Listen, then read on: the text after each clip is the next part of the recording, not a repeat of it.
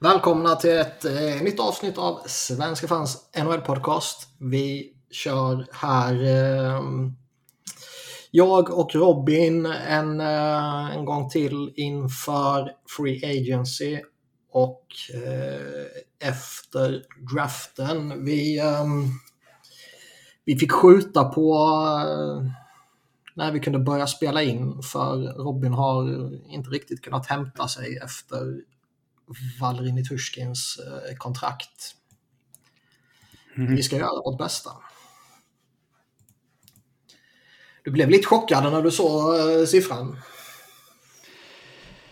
Uh, ja, det blev jag. Men det är också i linje med hur jag egentligen, de var jäkligt generösa med sina kontrakt den här offseasonen. Mm. uh, så att, ja. Vi, eh, vi väntar lite med det och vi kommer göra som så att vi går igenom samtliga lag här i, i ligan. Vi gör det med början i Pacific och sedan Central följt av Metropolitan och så avslutar vi med Atlantic. Och i respektive division så går vi um, ja, i bokstavsordning helt enkelt. Eventuellt, om jag kommer ihåg det, så eh, kanske jag slänger ut eh, hålltider i artikeln på sajten också. Men eh, man vet aldrig om man kommer ihåg sånt här. Men det innebär i alla fall att vi börjar med Anaheim. Och vi så till exempel de draftar här häromdagen Pavel Minchukov och Nathan Gosher i första rundan. Följt av Noah Warren och Tristan Luneau i andra rundan. Har du några spontana intryck från deras draft? Draft? Nej, absolut inte. Det... Jag tycker Anaheim eh, potentiellt kan ha gjort det här riktigt bra med ehm, eh, ja, sina fyra, fyra första pick. Jag läste ju på lite mer inför än vad du gjorde. Och eh, valen i första rundan var väl kanske hyfsat väntade och gå där de gick och sen så fyndade man eventuellt två backar i andra rundan där Tristan Luneau var en sån här spelare som eh, för ett drygt år sedan var det snack om att han kunde gå topp 10 i draften. Men sen så... Brukar de spelarna sen bli bra? Det känns som de aldrig blir bra. Jag vet inte, som, men, men, han, han ska ju... Vad jag har förstått, vad man har läst sig till, så uh, blev ju han skadad och fick genomgå en operation och sen så uh, kom han inte riktigt igång under den gångna säsongen. Så det kan ju vara en faktor till att han faller. Noah Warren, den andra backen, är ju sådär redan liksom två meter lång och 100 kilo tung. Och, eh, fortfarande bara 17 år, så han eh, är det väl många GMs som kommer gilla bara av de anledningarna. Men eh, vi ska inte hålla oss eh, kvar vid draften så värst mycket. Eh, Anaheim har ju egentligen inte gjort någonting av intresse när det kommer till trades eller kontraktsförlängningar. Däremot noterade vi ju här precis innan vi spelade in att både Sonny Milano och Sam Steele inte får någon qualifying offer och blir således UFAs här på onsdag kväll. Mm. Och det är väl eh, inte några bomber direkt men ändå lite anmärkningsvärt. Ja, med tanke på att Sonny Milano är liksom bra polare med Trevor Seagrass verkar det som också. Så... Mm. Eh, se, vad är egentligen anledningen till att man inte tar Sonny Milano? Du måste kasta bort din penna, Niklas. Ja, jag kommer ihåg att skriva upp en sak bara. ja. Jag ska komma ihåg att inte uh, klicka. Men uh, alltså det, det, har ju kommit lite tweets här under kvällen där man ser att det är eh, rätt många som inte får en qualifying offer och det är väl en hel del då som har dragit slutsatsen att uh, här ser man effekterna av att lönetaket har stått still i några år, några år nu. De stora spelarna kommer fortfarande få betalt utan det är istället då de här i mellanskiktet eller till och med bottenskiktet av hierarkierna som kommer bli ledande och eh, även den lilla, lilla löneökningen som ett qualifying offer kan ge är ju potentiellt problematiskt under ett cap. Ja, sen ska det man inte utesluta... Nej, det kanske inte är fallet i Anaheims eh, situation dock.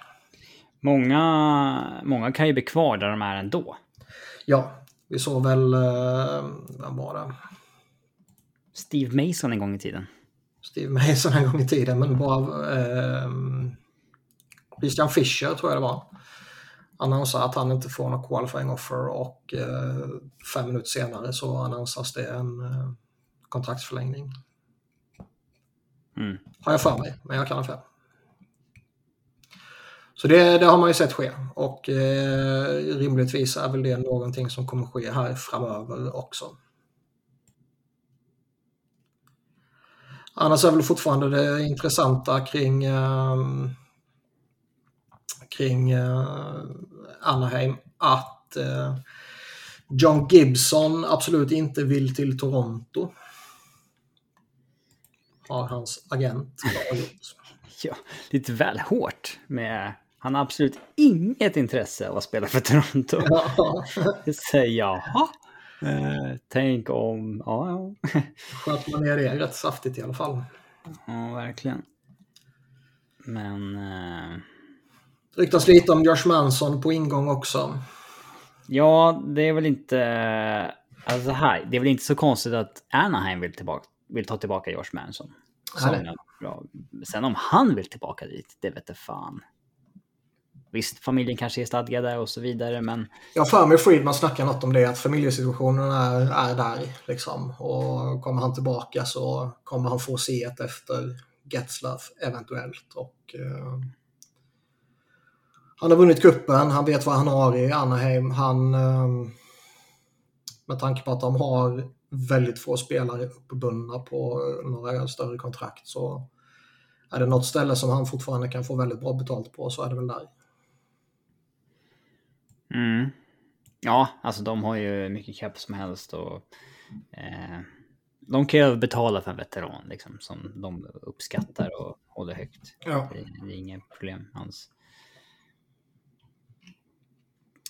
Är jag sen dem så eh, skulle jag ju vara ett lag som är tillgänglig för att ta på mig dåliga kontrakt i utbyte mot betalning.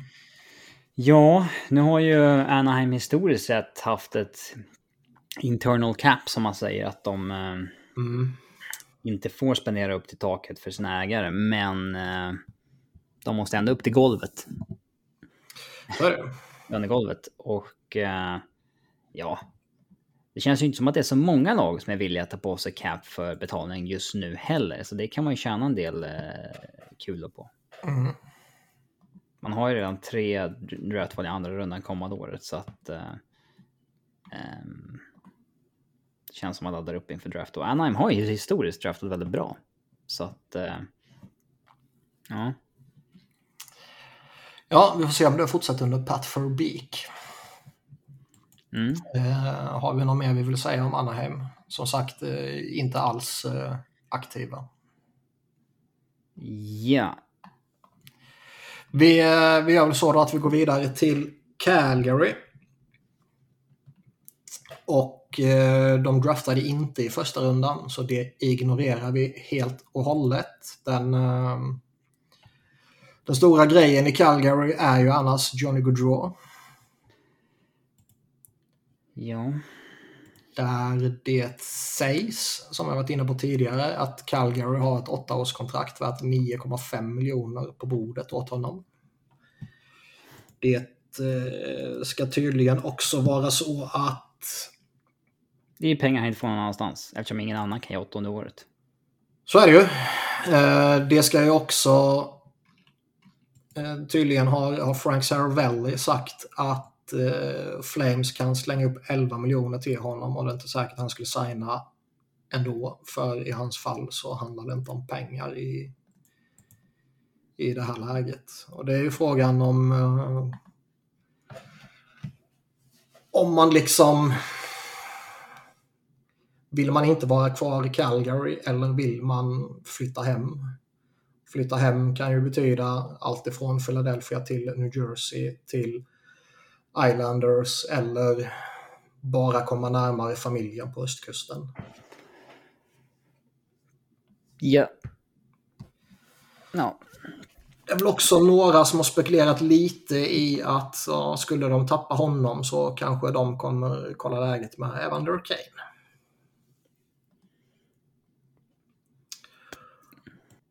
Och det känns väl också lite flames att gå efter lite size och fysik. Annars är det väl en Kalle Järnkrok som är UFA, Eric Branson, Nikita Sagorov. Inte jättemycket eh, superspännande där. Alltså Sadorov kan vara on the move again. Alltså att han mm. Eh, till ett lag som är villiga att erbjuda honom ett fyraårskontrakt på fyra mille ish. Eh, det har han velat ha i några år, men det är ingen som att ge honom det. Och, um... Känns inte han som en sån eh, att han borde få bli en legoknäckt som horar runt varje, varje eller varannan ja, sommar? Liksom. Han, jag gillade ju honom i Avs, men han blev ju aldrig det man hoppades. Mm. Uh, jag hade inte velat ha honom i min topp fyra. Um, och jag hade inte vågat signa honom på ett sånt där större kontrakt. Visst är man eh, ett pissigt lag som liksom behöver fylla lönegolvet och lite roster spots och de kan ha en kille som blir lite publikfavorit, för det blir han ju med sina enorma tacklingar. Liksom. Mm. Eh, så finns det väl ett värde i att ha honom, för han är ju inte dålig liksom. Alltså han kan ju spela, men eh, han skulle ju vara en svag länk i, ett, i en contender. Ja, så är det väl. Sen har vi ju några RFAs, Chillington, Fatchak och eh, Mangiapane Manjapane som ehm, ja, Matt Fatchak givetvis står ut i den gruppen och det har ju dessutom cirkulerat något rykte om att eh, skulle Johnny Hockey försvinna så kanske han blir mindre sugen på att skriva long term med Flames också. Men det kan ju bara vara något sorts förhandlingsknep kan man ju kanske tänka sig. Han uh, har väl inget behov av att signa långt, tycker man. Uh, har vi något mer om Flames eller ska vi gå vidare? Jag kan inte minnas att vi har uh, hört några konkreta rykten om dem annars. Nej. Det är det väl inte. Då är det väl Edmonton eh, vi går vidare till och eh, vad Det händer ju lite grejer på de, draften och så vidare. Mm, de draftade ju Reed Schaefer. Jag har eh, ingen aning om vad fan man ska säga om honom, så det skiter vi helt enkelt. Om inte du har något. Nej. Um, de har, eh, ja, de har inte signat några kontrakt av intresse så här, utan vad som eh, har hänt är ju en lönedump till exempel. Zach Cassian skickades ju till Arizona och de fick pröjsa en first rounder, en second rounder och en third rounder och eh, fick tillbaka en en first rounder som var lite sämre än deras egen då. Det var ju Colorados ursprungliga. Ja. Eh, ja, de bytte ju ner sig eh, tre platser i första rundan kan man säga och eh, slänger med en second och en third kommande år för att bli av med Zach kontrakt på 3,2 mille över två år och eh, ja, en win eller en L för eh, Ken Holland jag tycker att han eh, betalar väl ett ganska rimligt pris att bra med kontraktet. Eh, förlusten ligger i att det var han själv som signade det från början. Mm. men det finns väl också ett värde att inse när man gör något misstag och eh, han skickar ju inte liksom en arm a leg för att bli av med kontraktet. Så det, det, det, är väl ganska rimligt ändå. Jo, så är det väl. Och sen får man se. Nu. Oj, förlåt. Jag hör den även om du inte liksom klickar med den. Så här alltså. så låter det ju om man bara rör på den. Alltså. Ja. Um, vad var det jag skulle säga? Jo, nej, men alltså det beror ju på vad man gör med det här löneutrymmet också. Uh, Duncan Keith slutade ju också. Ska tilläggas. Så han har ju skaffat sig lite löneutrymme nu, Ken Holland. Och de har erbjudit någon, jag kommer inte ihåg exakt vad det var snack om, men typ fyra år och strax under fem miljoner tror jag det var till Evander Kane. Uh, inte jätteförvånande direkt att de uh, vill behålla honom med tanke på alla mål de gjorde. Det har kommit nya anklagelser mot honom här bara i dagarna och det är ju fortfarande så, eh, alltså från hans uh, exfru då, det är ju fortfarande så också att det är ju inte klappat och klart vad som egentligen kommer att hända med hans eh, San Jose-kontrakt. Eh, det kan ju faktiskt bli så att eh, det beslutas att det faktiskt är aktivt och gällande och de måste återvända till San Jose. Så det känns ju att signa med upp honom så riskar man ju att om en vecka eller två eller tre när det här beslutet kan komma att stå där utan honom och alla andra på marknaden har redan försvunnit. Så jag vet inte om, eh, om man bara lägger det här moraliska aspekterna åt sidan så vet jag ju inte om man ur den anledningen skulle våga signa honom. Nej, alltså. Ja. Evander Kane, vad fan ska man säga? Dåren. Eh... Ja. Hade jag, hade jag varit Edmonton hade jag inte... Hade jag inte eh, gjort det, men... Eh... Alltså det är samtidigt så här, deras slutspelsplats kan ju hänga på det. Så är det Då får de ju sälja sin själ till djävulen igen. Men... Eh, det är Man har gjort det en gång, är det enklare än andra ja.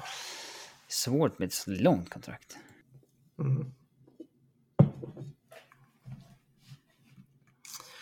Det sägs ju också att Jesse Puljujärvi är tillgänglig. Det sägs att Tyson Barry kanske man försöker göra sig av med.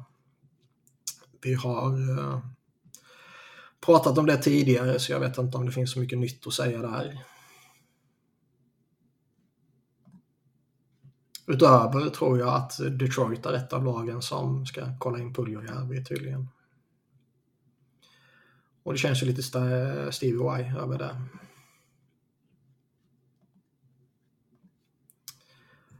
Ja, absolut. Eh, och det är väl väldigt Oilers att bara bestämma sig för att han ska bort. Eh, oavsett om man kommer få något bra eller inte.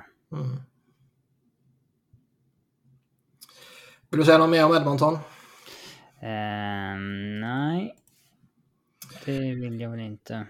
Då gör vi som så att vi hoppar vidare till LA.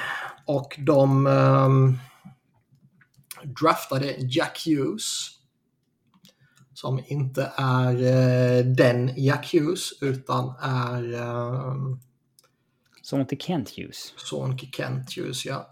Montreal GMen. Och eh, ja, irrelevant spelare att diskutera i det här sammanhanget. LA har eh, inte gjort några trades att notera sedan Fiala-traden. De har eh, inte signat upp något av intresse utöver Adrian Kempe. Som fick fyra år och 5,5 miljoner. Och det känns väl som att de eh, de börjar väl bygga laget som de eh, ska börja bli relevanta med igen. De fyller ut eh, sin veterankår med Fiala, de säkrar upp de egna lite yngre. De eh, kommer väl rimligtvis gå efter ytterligare någon veteranback. Och sen så handlar det väl om att låta de egna talangerna växa in i att Rob Blake ska väl tydligen bekräftat också att de kommer köra vidare med Quick och Petersen i kassen. Jag eh, kan inte minnas att det har varit några specifika... Säg något om Edmontons målvaktssituation kanske? ja, vad har jag sagt där? Ja, alltså nu börjar ju målvakterna... Eh, alltså lagen som behöver målvakter blir ju färre och färre. Mm. För att färre och färre löser det. Eh, Just det, eh, Jack Campbell nämns ju som... Eh... Campbell, Kymper och nu dök ju Samsonov upp här. Så att, alltså, mm. där sitter ju, Edmonton känns ju som att de sitter i en bra situation nu. Att de... Eh, eh... Det är ett av få lag som har en lucka öppen. Men det verkar ju som Kemper verkar ju placeras in i, i Caps ju. Och skulle Matt Murray hamna i Toronto så verkar det ju som att då är det nog så att Jack Campbell hamnar i Edmonton. Mm. Men det är Edmonton som sitter i en sits där man kan vara lite is i magen och se vem som blir över nästan. Och liksom... Lite så. Kan till och med kan spara en miljon eller två på den. Ja. Kings, ja. De är ju... De, de är väl sett, även om det är dyrt. Ja, nej, det är väl vi kan spara och prata LA till Sebbe med så kan han få hålla låda i några minuter om han vill. Han nyttjar aldrig det läget riktigt. Det känns inte som han håller på LA så mycket som man tror. Nej. Vi, vi släpper Kings. Vi går vidare till Sharks. De plockade upp Filip Bystedt i första rundan. Um, ingen djurgårdare till skillnad från alla andra som gick i första rundan. Så du mm. vill väl inte säga något om honom antar jag? Eh, nej, jag har ingen aning vem han är. De har ju tradat till sig Luke Kunin från Nashville. Går upp ett, eh, ett pick och John Leonard. Kunin eh, tyckte jag var lite småintressant tidigare men har väl inte blivit någonting av intresse direkt. Mm kontrakten har väl eh, inte varit någonting heller. Eller har jag missat någonting när jag sitter och scrollar här? Nej. Tittar man på deras lagbygge i övrigt så verkar det ju fortfarande pratas eh, lite om, eh, vad heter han, eh, Brent Burns. Där det tydligen finns ett rätt stort intresse för honom. Sen har han en klausul där han har en eh, lista med lag han kan acceptera trade till. Så det är kanske något svårlöst men uh, intressant ändå att det verkar finnas ett intresse för honom. Ja, alltså jag ser lagen liksom kämpa för att bli av med 3 mil eller 2 mil i cap här och var. Ska någon ta, ta sig an de där kontrakten? Jag har svårt att se det liksom. Nej, jag tror inte man tar på, honom, eller tar på sig honom för 8 miljoner. Det tror jag inte. Nej. Utan det är ju, då får de ju behålla sina miljoner såklart. Men intressant ny start av Mike Greer som eh, GM i, i San Jose. Att han börjar med att trada ner i draften eh, från 11 och få liksom tre val egentligen sent i första slash i början på andra. Det är ju en eh, trade man tar alla dagar i veckan när draften såg ut som den gjorde. Att det liksom bara är en typ spray. Någon som går 10 kan lika gärna gå 25 och så vidare. Mm. Det, det är ju en nice move tycker jag. Sen så eh, kickade de ju ut eh, Doug Wilson Jr. sonen fick inte vara kvar när pappa inte var chef längre. Nej. Eh, det var ena snack om att han skulle bli uh, Doug Wilson Seniors, uh, vad heter det, succession plan var ju att grabben skulle ta över. Men sen så fick han kliva åt sidan själv i förtid med, ja, på grund av hälsan där då. Och nu kickas grabben ut också. Ja. Det är ju alltid lite skoj. Ja. Det... Ja, det förvånar inte. Vi såg ju Jonathan Dahlén får ju ingen qualifying offer. Uh, sticker han hem till Timrå nu eller? Jag tycker det vore synd, för det finns jävla mycket hockey i honom. Uh, jag hoppas han ger något annat lag en ny chans att uh, köra på honom, faktiskt. Ja, jag bryr mig inte så jävla mycket. Alltså man, jag tror man kan ångra det om man inte gör det. Alltså, visst, vi kan ju snacka om spelare som åkt hem och de hade en fina karriär hem och så vidare, men man vet ju aldrig hur det hade gått om de hade stannat kvar. Alltså... Nej, så är det. Det snackades ju om att eh, Niklas Lidström var ju nära att dra hem till Västerås typ året efter vann Conn Smythe där 2003. På grund av familjesituation liksom. Uh -huh. Han hade ju missat, ja. Det hade ju varit skönt, alltså det hade han ångrat som fan. Ja, förmodligen. Inte Jonathan Dahlén, Niklas Lidström, men... Nej. Eh, jag menar, hade inte Kenny Jönsson dragit till Rögle, vem vet vad som hade hänt? Mm. Så att, nej. Jag, jag, hoppas att han ger en, en ny chans. Jag kan inte minnas att jag har hört något, något övrigt om, om Sharks annars. De ska väl fylla ut sin roster lite och sen så försöka kapa lite lönekostnader typ. Så vi går vidare till Seattle som ju plockade upp Shane Wright i draften. Med fjärde valet. Han eh, tippades ju stå mellan han och Joey Slavkovski om första platsen och sen så föll han och föll han och föll han och eh, när Flyer satt med femte valet så var man ju övertygad om att han skulle falla till femteplatsen. Flyers skulle jubla, drafta honom och sen skulle han bli en större flopp än Nolan Patrick. Kändes ju rätt givet på förhand faktiskt. Men eh, Seattle jublar nog att man, eh, man fick upp honom. Man eh, hade sedan fyra val i, i andra rundan där det känns som att man mycket väl kan ha fått upp en intressant spelare i Jagger Furkus till exempel. Men han kommer att förstöras av Dave Hackstall nu. Tittar vi på trades så har de inte gjort något av intresse här mot slutet. De har inte signat upp någon spelare av intresse heller. Och går vi in och kollar på det här så roster så har de väl ingen UFA av intresse och egentligen ingen riktig RFA av intresse heller.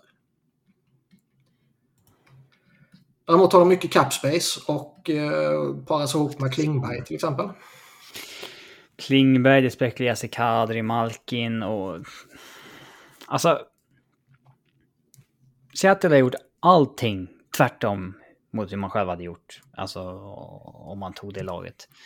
Eh, ja. Droppen vore ju liksom att... Eh, jag, jag, kan köpa att liksom slänga ett stort kontrakt på Malkin för att få en fixstjärna till stan och så vidare. Eh, liksom en av de bästa som någonsin har spelat ska avsluta i Seattle. Alltså det, det hade varit det hade varit bra ur PR-perspektiv och allting. Det är ju en liten power move sådär rent PR-mässigt.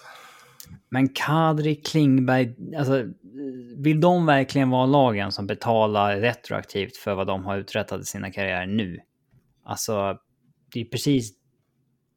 De är ju laget som ska undvika de kontrakten. Mm.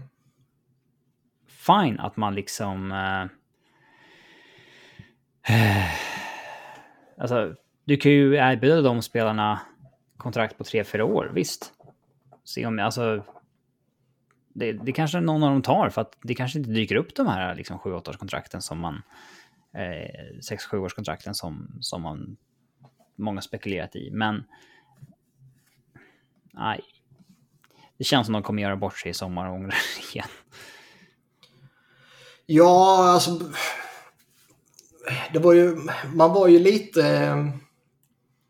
Man var ju lite fascinerad av dem innan de gick in och gjorde bort sig. För det var ju så mycket snack om att de hade byggt upp ett väldigt bra analytics department och där skulle de kunna imponera typ. Men eh, sen visade det ju sig att de har ju bevisligen kan de inte ha lyssnat på dem eller så är de ju otroligt mycket mer inkompetenta än vad man ens kunde ana. Mm. Eh, Ron Francis och Dave Hackstall är väl inte direkt några som skriker eh, framgång heller. Nej. Nej, verkligen inte. Men eh, alltså, det känns ju som en jäkla win att få Shane Wright i draften. Nu har inte jag koll på de här gubbarna och säger men det känns ju som att det var han som var... Alltså... Med allt jag har hört av beskrivningen av dem och varför han föll och att han missade lite matchen med att eh, juniorligan inte drog igång och så vidare. Alltså... Det verkar ju som att han var den klara ettan egentligen. Mm. Han fall till fyra till dem. Ja, nej, den var ju...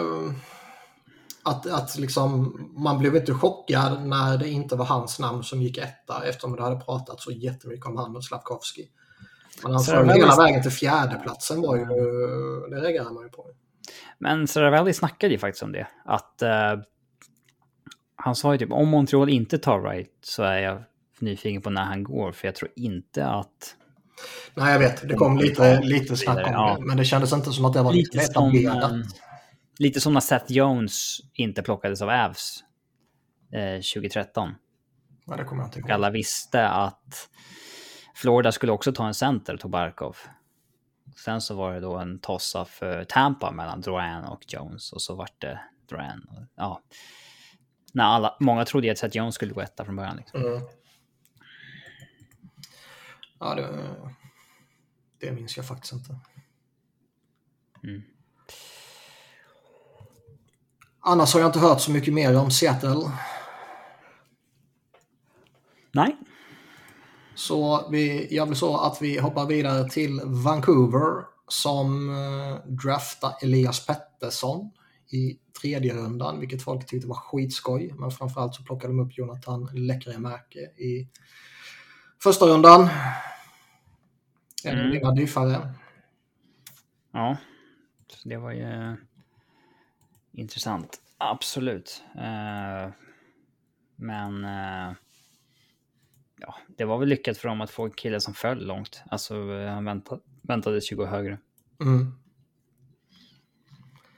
Annars har man eh, inga trade av intresse här, inga kontraktsförlängningar av intresse eftersom vi redan har diskuterat Brock Boser tidigare. Mm.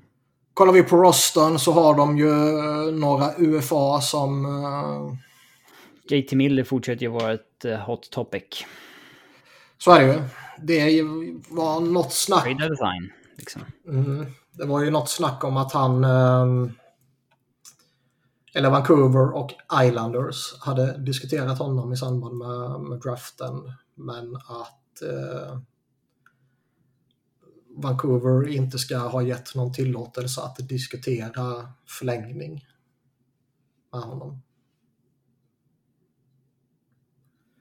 Vilket man tycker är... Eh, alltså det, det borde väl ligga lite i Vancouvers intresse att lag man diskuterar en eventuell trade med får kolla av om man kan förlänga med honom eller inte. Varför skulle man annars trada till sig honom?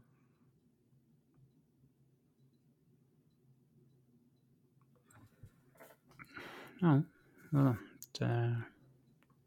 Ska man, det snackar också om eh, Tyler Myers också. Uh, och uh, den är ju märklig att det är så här... ja, Vancouver vill att lyssna, men då ska det betalas typ. Så här, vad fan. Ja, de borde behöva krydda med, ingen first rounder, men liksom ändå... Hur håller man masken då? Alltså liksom... han är både usel eye-testmässigt och analytics-mässigt. Det är inte... Ristolainen var ju en kille som var tvärtom länge. Men... Uh, mm. Ehm. Mm. Nej, där får man väl... Ehm, där får man väl hoppas att det kommer in en ännu sämre GM och vill ha honom i så fall. För att sitta där och kräva betalt av honom känns ju... Det är bara en dåre som kan uppfylla den önskedrömmen. Annars är det väl inget, inget snack om Canucks i övrigt vad jag kan komma ihåg. Nej, det är väl ganska lugnt på den fronten. Mm. De har väl inte nämnts med någon av de stora free riktigt. Nej. Då går vi vidare till Vegas. Eh, inget första val i draften, så det skippar vi. De har eh, inte gjort någon trade av intresse här heller. De har eh, inte signat upp någon av intresse heller och de har väl eh, noll kronor i cap space. Och behöver fylla ut sin forwards-roster. Med fem spelare. Typ. Eh, dock har de ju Shea Weber och eh, kan ju plocka från hans kontrakt så att säga. Och det känns väl som att det borde typ... Det blir utmaningen för dem. Att liksom fylla ut eh, djupet här. Så är det väl, men det är väl också... Eh, det är inga stora kontrakt de ska fylla ut med. De har liksom sina stora signade.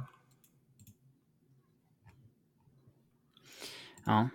Möjligtvis Riley Smith eh, ett undantag, men... Eh, ja, men han... Det är väl definitionsfråga hur man definierar ett stort kontrakt. De om han överhuvudtaget är kvar. Ja. Annars eftersom de inte har något utrymme så har det ju inte pratats något om Vegas vad jag kan minnas. Och eh, de har ingen flexibilitet. Liksom. Nej.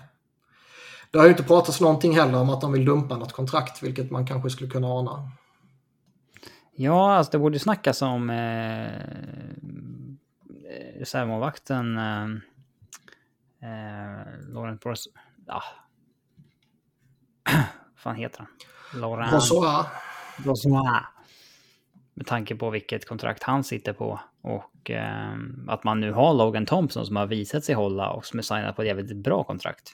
Mm. För Vegas skull. Mm. Alltså som tvåa. De är ju fast med ledaren som etta, liksom, vare sig de vill eller inte. Det är bara att köra liksom. Och han är ju på en bra cap för att vara Vegas. Så att bara go for it liksom. Verkligen. Har vi något mer? Eh, från Vegas? Nej. Mm. Då eh, gör vi så att vi släpper Pacific Division och går in på Central Division. Och eh, Arizona är först ut där. De hade ju inte mindre än tre val i första rundan.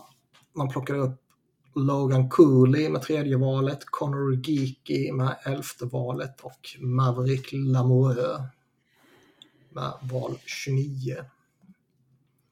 Cooley var väl tämligen väntat även om Shane Wright var tillgänglig så att säga.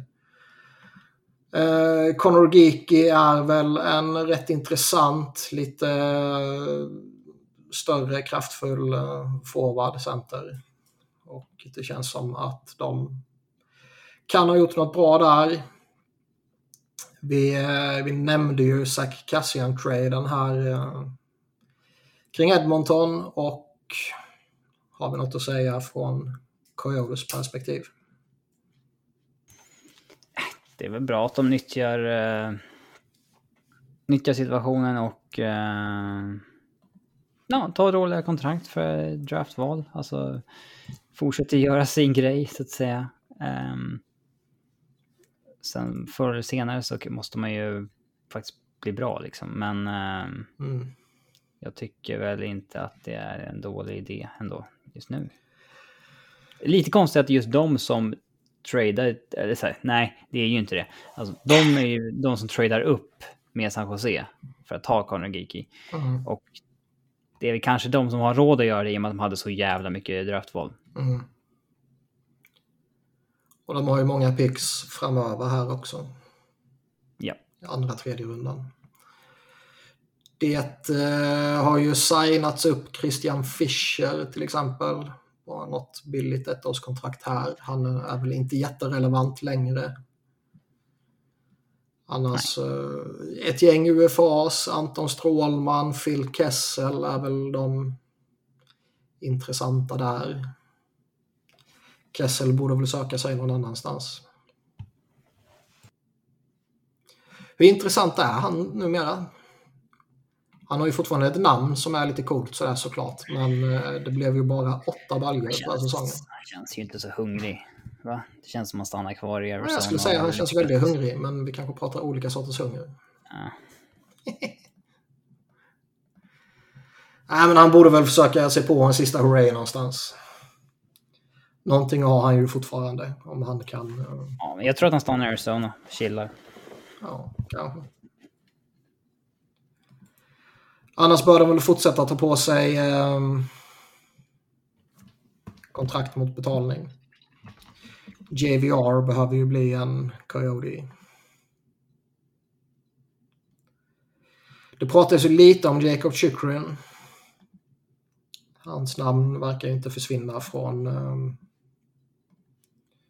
eh, vad säger man, från trade-ryktena och eh, det var ju lite snack om att någonting kanske kunde vara på gång under draften så det ska bli spännande att se om det blir någon uppföljning här under eller i samband med Free Agency om någon siktar in sig på honom när man bommar någon annan när dominobrickorna faller.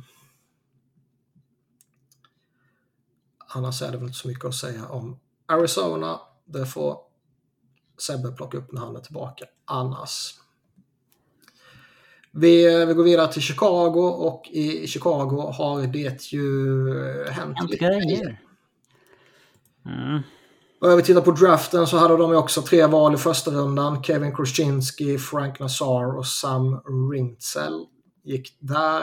Kruszinski är en väldigt spännande offensivt eh, lagd back med en väldigt stor offensiv uppsida som gick redan som sjua, vilket kanske var lite tidigare än många förväntade sig. Nassar är en lite mindre finlirare, så spännande att se honom. Eh, men jag vet inte om det är så mycket annat relevant att säga om, om draften där.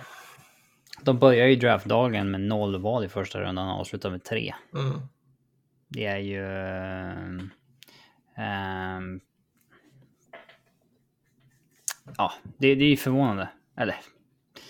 Men alltså... Ja, vad händer där numera? De tradar alltså The Brinket, de tradar Kirby Duck och... Det bör ju leda till att en del andra tradas också. För nu skickar man ju... Man skickar ju inte bara att man ska föryngra sig här, utan man skickar ju de unga spelarna man har. Ja, Det blir tok-rebuild från början. Liksom. det är ju det. Alltså, någonstans, alltså. Vi, vi kan väl beta av traderna i, i tur och ordning. Vi började med The Brinkat som gick till åtta var då där de fick en first rounder, sjunde valet då, och en second rounder och en third rounder för honom. Och eh, vi pratade väl om honom förra veckan där vi pratade om hans kontraktsläge där eh, han kan bli UFA om två år. Han har ett år kvar på det nuvarande kontraktet och sen så har han en qualifying offer på 10 miljoner var det va? Och eh, efter det blir han UFA i så fall. Ja, eh, jag kan ju förstå att Hawks tradar The Brinket om man eh, har bestämt sig för att göra det här för att eh, ja, även om man är RFA så har man ju bara RFA, alltså man har bara kontroll över honom i två år till Mm. egentligen. Mm. Och ehm,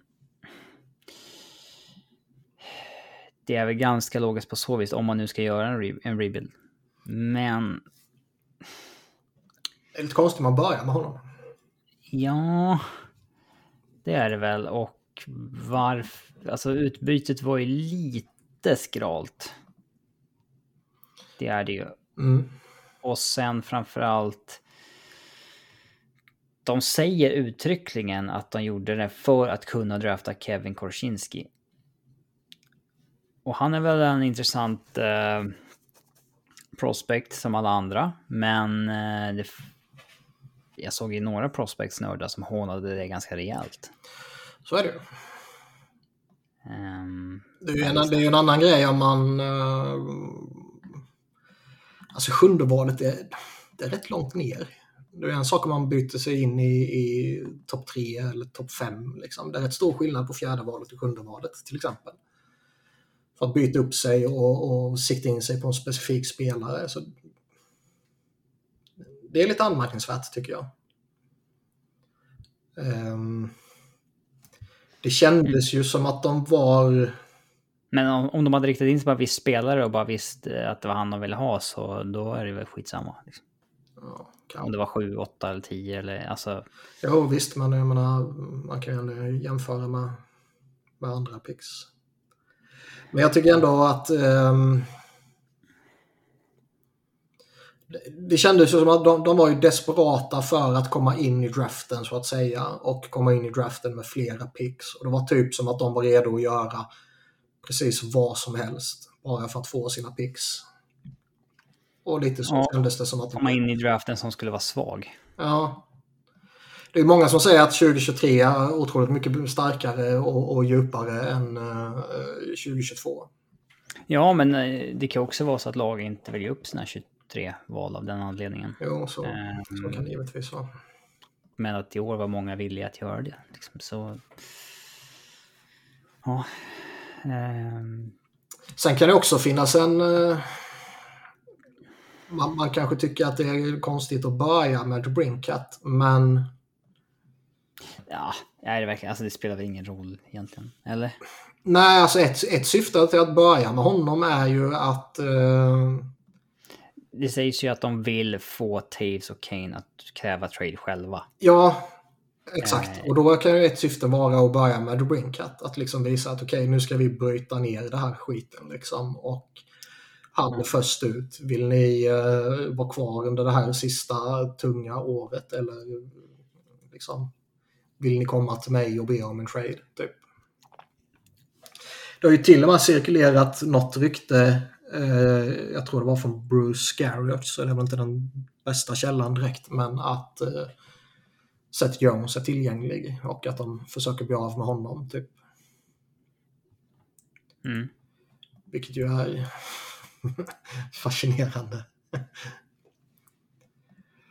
eh, The Brinkat tar vi från Ottawa-hållet också så småningom. Så vi går vidare här med Kirby Dash-traden som ju skickade honom till Montreal eh, mot ett första val och ett tredje val som blev Frank Nassar då till exempel. Och det känns ju som att han har ju inte riktigt lyft. Nej, han har ganska dåliga siffror också. Han har en handledsskada som verkar liksom faktiskt ha... Fuckat upp lite Ja, hämmat honom ganska mycket. Liksom. Mm. Uh, vi kommer in på Montreal-delen av traden sen, men eh, känner man för Hawks att man inte riktigt tror på honom och vill ta en ny kille högt i första rundan så fair enough. Liksom. Det är svårt att säga när man inte har någon koll på de här prospectsen de värderar högre. Alltså då, äh, det är svårt att såga dem liksom. Uh, så är det. Eh. Och det här är väl ett typexempel på där man verkligen bara måste vänta och se. I dagsläget så är ju Kirby Dash eh, rimligt att, att, släppa honom mot, mot det utbytet tycker jag. Men om fem år kanske det visar sig att det var det här årets stora misstag. Verkligen. Inte, inte Kirby Duck kanske gör men, 30 mål kommande fem åren och Frank Nazar harvar i AHL. Ja. Det, så kan det ju vara. Men vilken signal man skickar att det är en fullskalig rebuild man drar igång när man skickar en ung sp spelare som Carby Dock. Han är mm. liksom 21 år. Men visst, det kanske var sist, alltså skulle han ha en till svag säsong, Duck, då kanske liksom värdet är borta sen. Så kan det mycket väl vara. I alla fall så får man väl ingen first round för honom. Nej, kanske inte. De gjorde en till eh, stor trade också ju och det var att ta in Peter Mrazek från Toronto. De fick en first rounder för det också och fick eh, skicka tillbaka en second rounder. Ja, eller så här. De byter ner sig, eh, eller byter upp sig 13 val i draften för att få Mrazek. Mm. Eh, eller för att ta Mrazek i kontrakt. Jag kan väl tycka att Leafs kommer väldigt billigt undan här. Att bara byta ner sig 13 platser i en draft, i slutet av första rundan i en draft som alla säger var... Alltså alla spelare i samma grupp i princip där. Alltså det är inga tydliga hopp eller ner liksom. Då... Att betala så, alltså Dubas fick nog ändå spelaren han ville ha liksom. Mm. I draften. Så att eh, där tycker jag väl att Hawks säljer sig lite billigt. Eh, faktiskt. Men samtidigt så behöver de en målvakt. Alltså de behöver ju... De måste ha en gubbe i mål, ja. Gärna en Ja, som inte eh, är för bra. De har inget emot att ta ett lite svagare kontrakt så. Men alltså de borde nog ha kramat ur lite mer ur Toronto där tycker jag. Ja, något pick till eller kanske Mm. eh, någon användbar spelare eller något sånt där. Det håller jag med om. Ehm, det var ju de tre stora traderna här. Det eh, har ju kommunicerats ut att Dominik Kubalik och Dylan Strome inte får någon qualifying offer.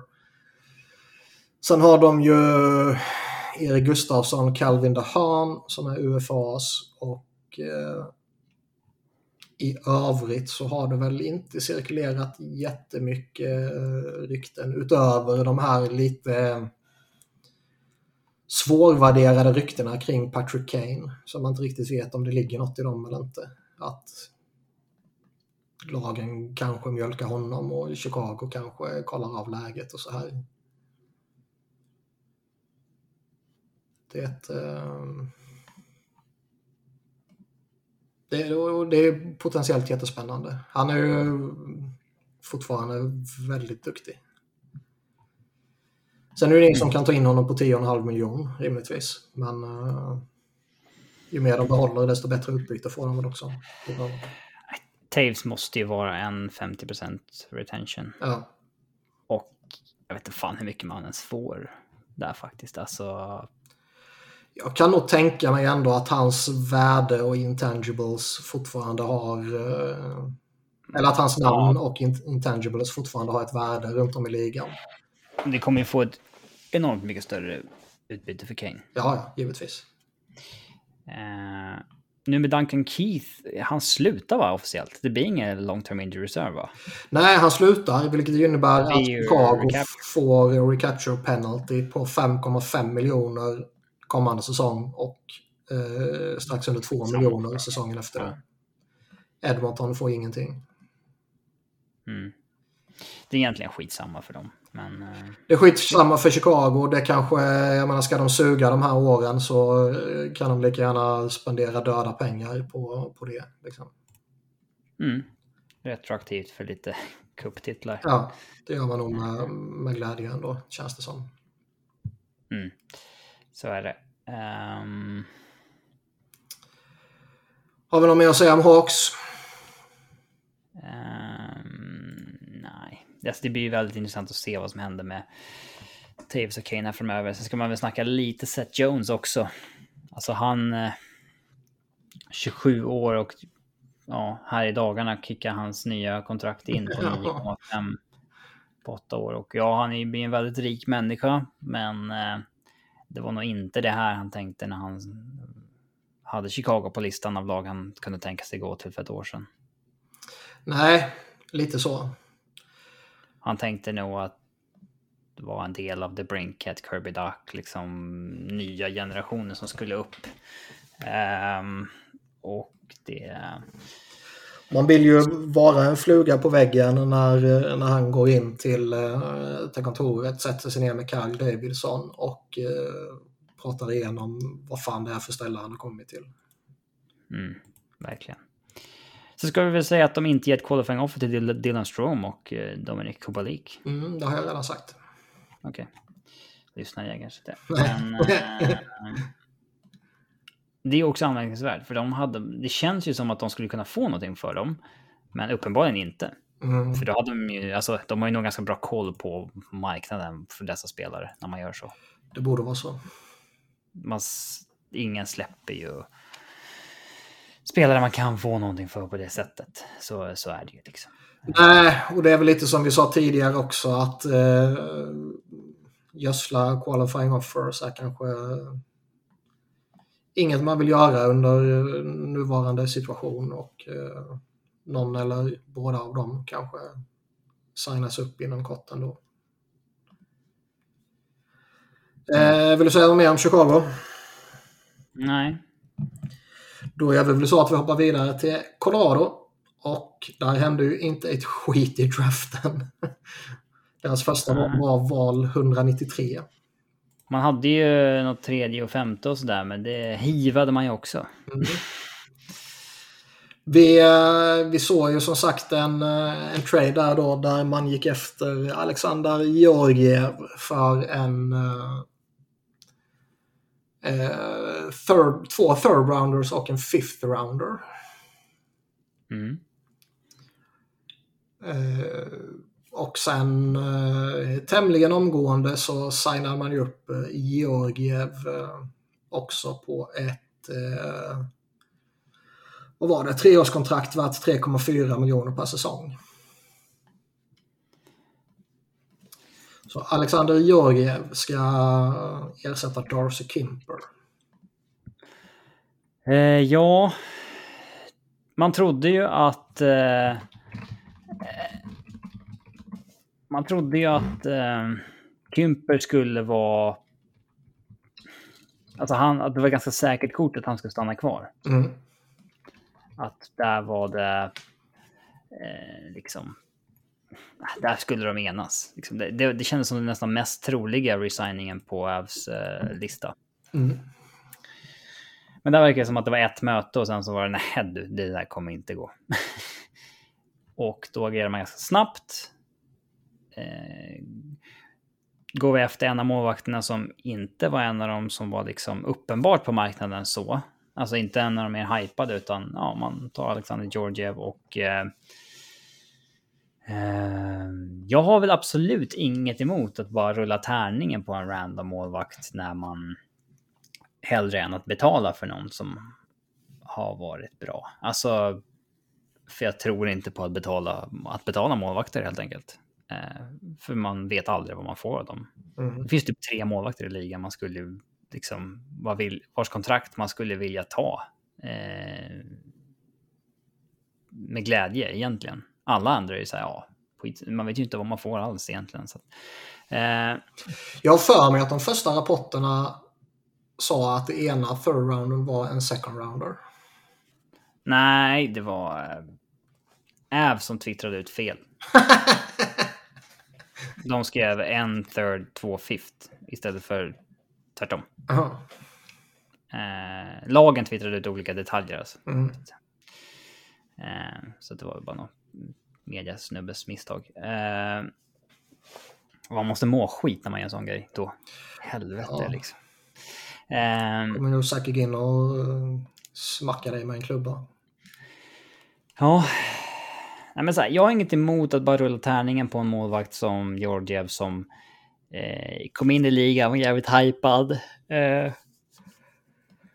eh, talangfull. Eh, men när man tar en sån chansning så tycker jag inte att det ska kosta så mycket som det gjorde i trade-kostnad. Alltså... Ja, man förra året, med lite pix ju. Ja, förra året gick Nedeljkovic för en third rounder, bara. Mm. Och visst, det är en annan marknad i sommar kanske, men det... Ja, alltså... Det är ju dessutom en Georgiev som... Eh, som var piss i två år. Ja. Alltså liksom, hans on-ice results de senaste två åren har ju varit riktigt svaga. Och det snackas om att Rangers kanske inte ens skulle qualifiat honom. Nej, det skulle de eh. inte. Nej, så att det... Det förvånar mig att man... Eh, jag gillar inte hur mycket man gav upp helt enkelt. Och sen... Eh, Kontraktet säger då? Ja, kontraktet är ju det är också, det är lite samma sak. Med tanke på vilka svaga resultat han har levererat senaste två åren så tycker jag att man borde få en större discount än man får. Skulle han göra en liknande säsong igen nu, då är man ju i en Toronto-situation nästa säsong, sommar när man försöker eh, ja, trada iväg kontraktet för att bygga om. Mm. Eh, så att jag, jag gillar, eh, jag gillar Georgiev, att man går efter en mål som har, har varit dålig. liksom, för det, det brukar vara billigt. Men sen jag gillar inte vad man går upp i trade eller i kontrakt. Sen ska det ju sägas också att Colorado precis bevisat att man behöver inte ha fantastiskt målvaktsspel för att vinna. Man behöver inte Nej. ens ha eh, average, utan de kan ha dåligt målvaktsspel nästan och vinna. Nej, eh, det är ju sant så länge man fortsätter vara elit defensivt. Mm. Men då måste man fortsätta vara det också. Så är det ju, men eh, kortsiktigt borde man väl vara det i alla fall. Ja. Um, snackade vi om Cogliano sist eller? Mm. Okay. Um, ja, vi har ju den grejen och sen... Uh, Eh, kommer ju Valerin i Tusken här också som vi nämnde under, under inledningen där på, på ett åttaårskontrakt värt eh, 6,1 drygt per säsong. Mm, och man valde att inte qualifiera OBQBL, ska sägas. Mm. På 1,2. Vilket det jag gillar, för det, det, är för mycket för honom helt enkelt. Eh, det är en fjärde liner som... Ja, du kan inte betala honom 1,2. Mm. Hans rättigheter. Uh, Niturskin är ju också intressant, för det var ju ett... Eh... Innan vi tryckte på rec här så kom ju Turman bara. Ja, åtta år. Då vart man också lite förvånad, för alltså, ingenting läcker ju ut från Ävs. Det var ingen som visste att, det här, att de ens snackade om ett så långt kontrakt. Liksom. Mm. Eh, man trodde väl att det var fem eller sex år. Kanske sju. Åtta, det var ju wow. Då tänkte man att... Då tänkte jag att jag hoppades att det här var... Pressa ner kostnaderna ja, Nick Paul-kontraktet på steroider helt enkelt. att uh, ja, du får ge två extra år för att han ska gå med på att trycka ner capen lite. Och uh, uh, det vart ju en högre cap än vad någon hade gissat. Alltså, sex blankt är det största jag har sett någon gissa på. Mm. Um, och... Alltså, hade vi snackat om det här innan slutspelet så hade ju 5 gånger 5 ansetts högt. Men någonstans ja. högt, men ändå någonstans rimligt. Eh, visst, slutspelet är ju... Eh, alltså det väger in tungt såklart och, och så vidare. det är där du kan få betalt. Ja. Men han har en säsong över 20 mål. Mm. Men det är också som vi sa lite innan vi började spela in här att han är ju lite flavor of the month nu efter slutspelet. Ja, visst, han har haft en... Uh, en längre period där de underliggande siffrorna har varit bra och sådär. det, det är ju värt mycket, en stabil pålitlig spelare sådär. Men... Din Analytics Darling som enligt alltså liksom pratar kollar Evolving Hockey och Jay Fresh och så här, de tycker ju att det är jättebra kontrakt. Mm. Så att det var han är. Men då måste han ju liksom... Eh, då måste han leva upp till det här nu. Alltså då, då måste han upprätthålla det han var i slutspelet framöver. Eh, så är det verkligen. Och nu betalar Jävs honom så mycket att man kan inte hålla på att använda honom som en third liner eller sådär. Nu måste han ju spela slutspel och få göra, eller eh, powerplay. Och få göra sina poäng och så vidare. Annars så blir det ju väldigt märkligt. Mm. Så att, uh, ja. Jag, jag hoppades att Äv skulle vara den här typen av lag där man ta mindre för att stanna. Eh, och jag har inte alls sett ut så hittills med Georgiev, Cogliano och Niturskin. Mm. Alla säger det, ja men det blir extra för att man vann en cup. Ja, men det vill man ju liksom försöka motstå. Ska man betala åtta år, Niturskin extra i åtta år för att man vann en cup i år? Alltså... Man vill ju vinna igen. Exakt, exakt. Så att ja. Högre än väntat, vad ska vi säga. Man har ju, som har nämnt tidigare, man har ju Josh Manson på, på utgående. Det pratas lite Anaheim där. Man har Nassim Kadri på utgående, man har André Burakovsky på utgående och det är väl de tre som är de stora. Mm. Och och eh, sen så intressant vad Arturo Lekkonen kommer in på för. Ja, UFAs menade jag där då ju. Han är ju RFA.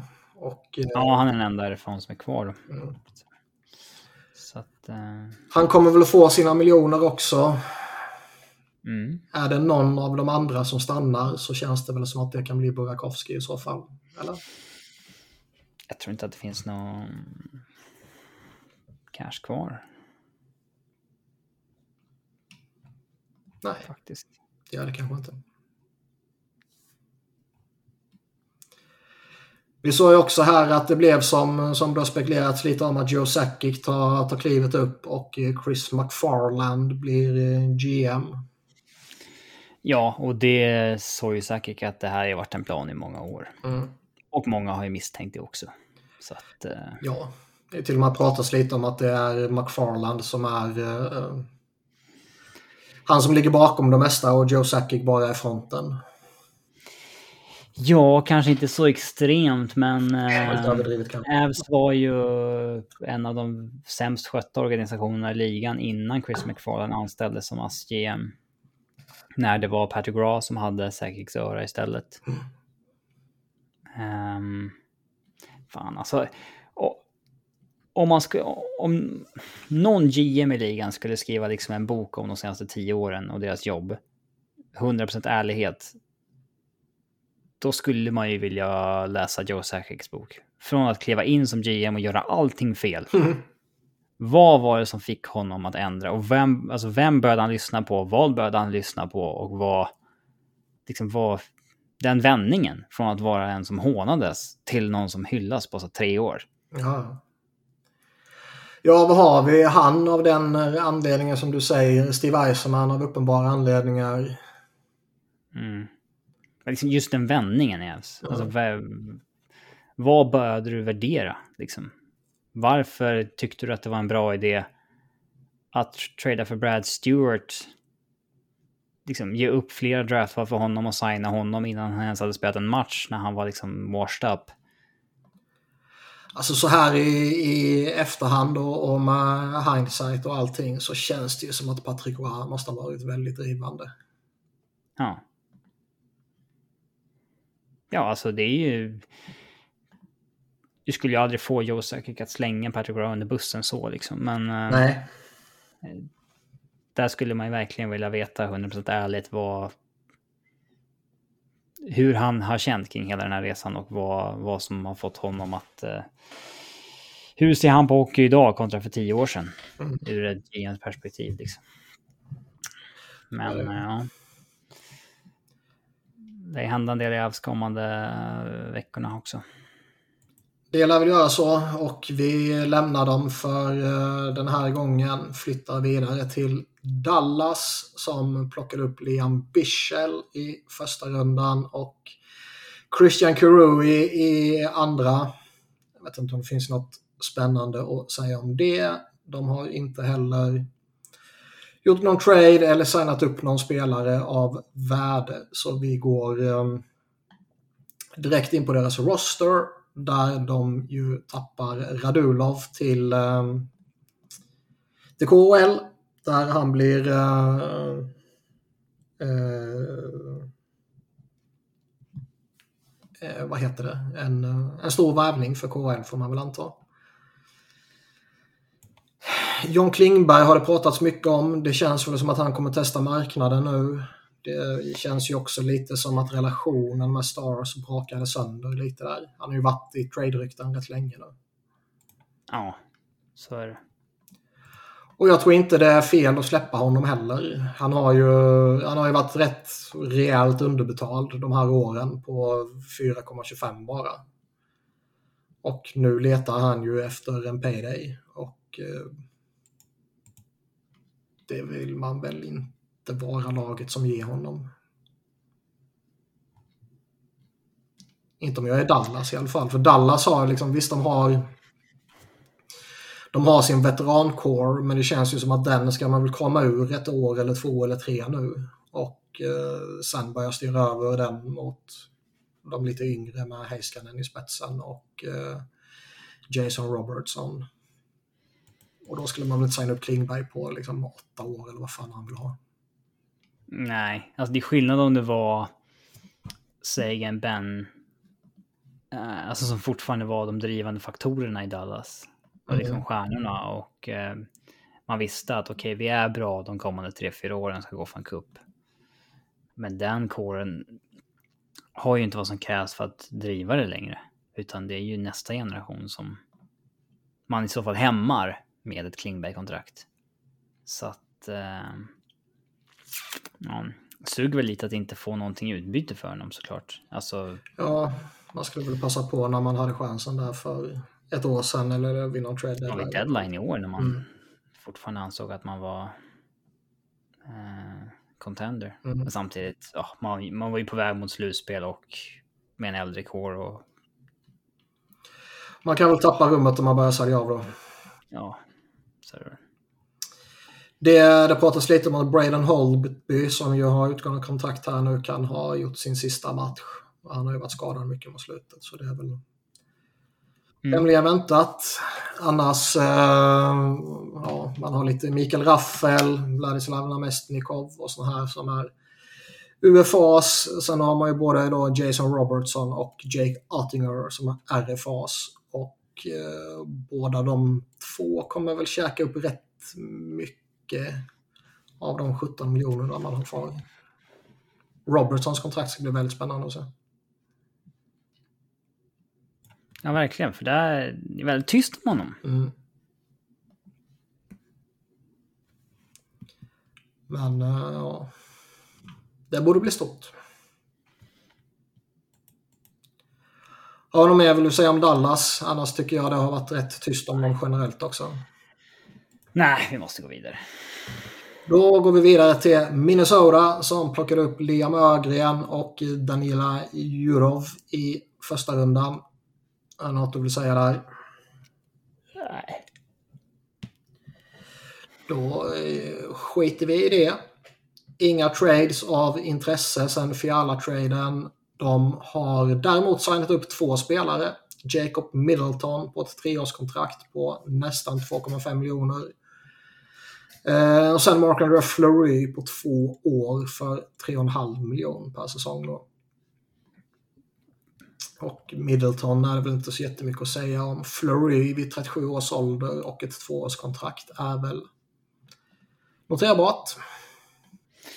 Ja visst, eh, men då får jag honom på en rimlig cap ändå. Eh, Talbot och Flurry blev en trevlig tandem ändå. Alltså. Så är det väl, även om mm. intressant det här med Talbot. Alltså. Minnesota signar Fleury på två år på 3,5. Bill Guerin säger att självklart måste vi prata med Cam Talbot och uh, se till att han är ombord med det här liksom. Och, men det verkar mest varit liksom att han tänkte att det är väl bara en formalitet. Mm. Men det verkar ju gått åt helvete. Mm. och Guerin kommer tillbaka. Eller ja, Talbots agent går väl ut och säger att uh, Ja, Bill Guerin har mycket att lösa nu. Ja, det verkar vara lite... Säger, I don't have shit to do. Ja, det vara lite ordkrig där. Vet, det är inte att Cam Talbot har någon jävla status att han kan kräva att eh, de inte ska signa en värdig... Eh... Nej. Alltså, så här, vad är det för trams? Det är lite storhetsvansinne. Ja. Han får väl vara supernöjd med att vara en av två i... Eh, alltså liksom en mer... Om, om det inte är så att han har blivit lovad något helt annat. Visst. Då, då, då förstår man ju att man blir uh, upprörd såklart. Mm. Eh, annars har vi ju inte jätte... Rimligt, rimligt kontrakt för Jacob Middleton tycker jag. Mm. Tre år, 2,45. Han är ganska bra defensiv back. Så. Ja, eh, ja. De ska ju överleva de här tre åren nu under Cap Hell. Eh. Så är det ju. De är väl, eh, sitter väl och svettas lite över Kirill Kaprizov också. Ja, den är ju klurig. Där, Som, ehm, det har inte kommit ut någonting senaste 3, 4, 5 dagarna va? Nej, inte jag, i så fall har jag missat det också. Men eh, det är ju några ryssar som, eh, ja, utöver Ivan Fedotov som eventuellt kan hamna i problem i, eh, i Ryssland nu där de anklagas för att ha eh, köpt och använt sig av förfalskade papper för att slippa militärtjänstgöring. Eh, bland annat var det ju den gamla Flyers-talangen eh, Kraftsov, vad han? Nej, Vobjev. Ja. Mikael Vorobjev. Eh, och sen ytterligare en två eller tre. Jag tror Kaprizov ska vara involverad i, i något liknande sånt också där. Och eh, man sitter nog och svettas lite över vad fan han håller hus och vad som händer med honom. Mm.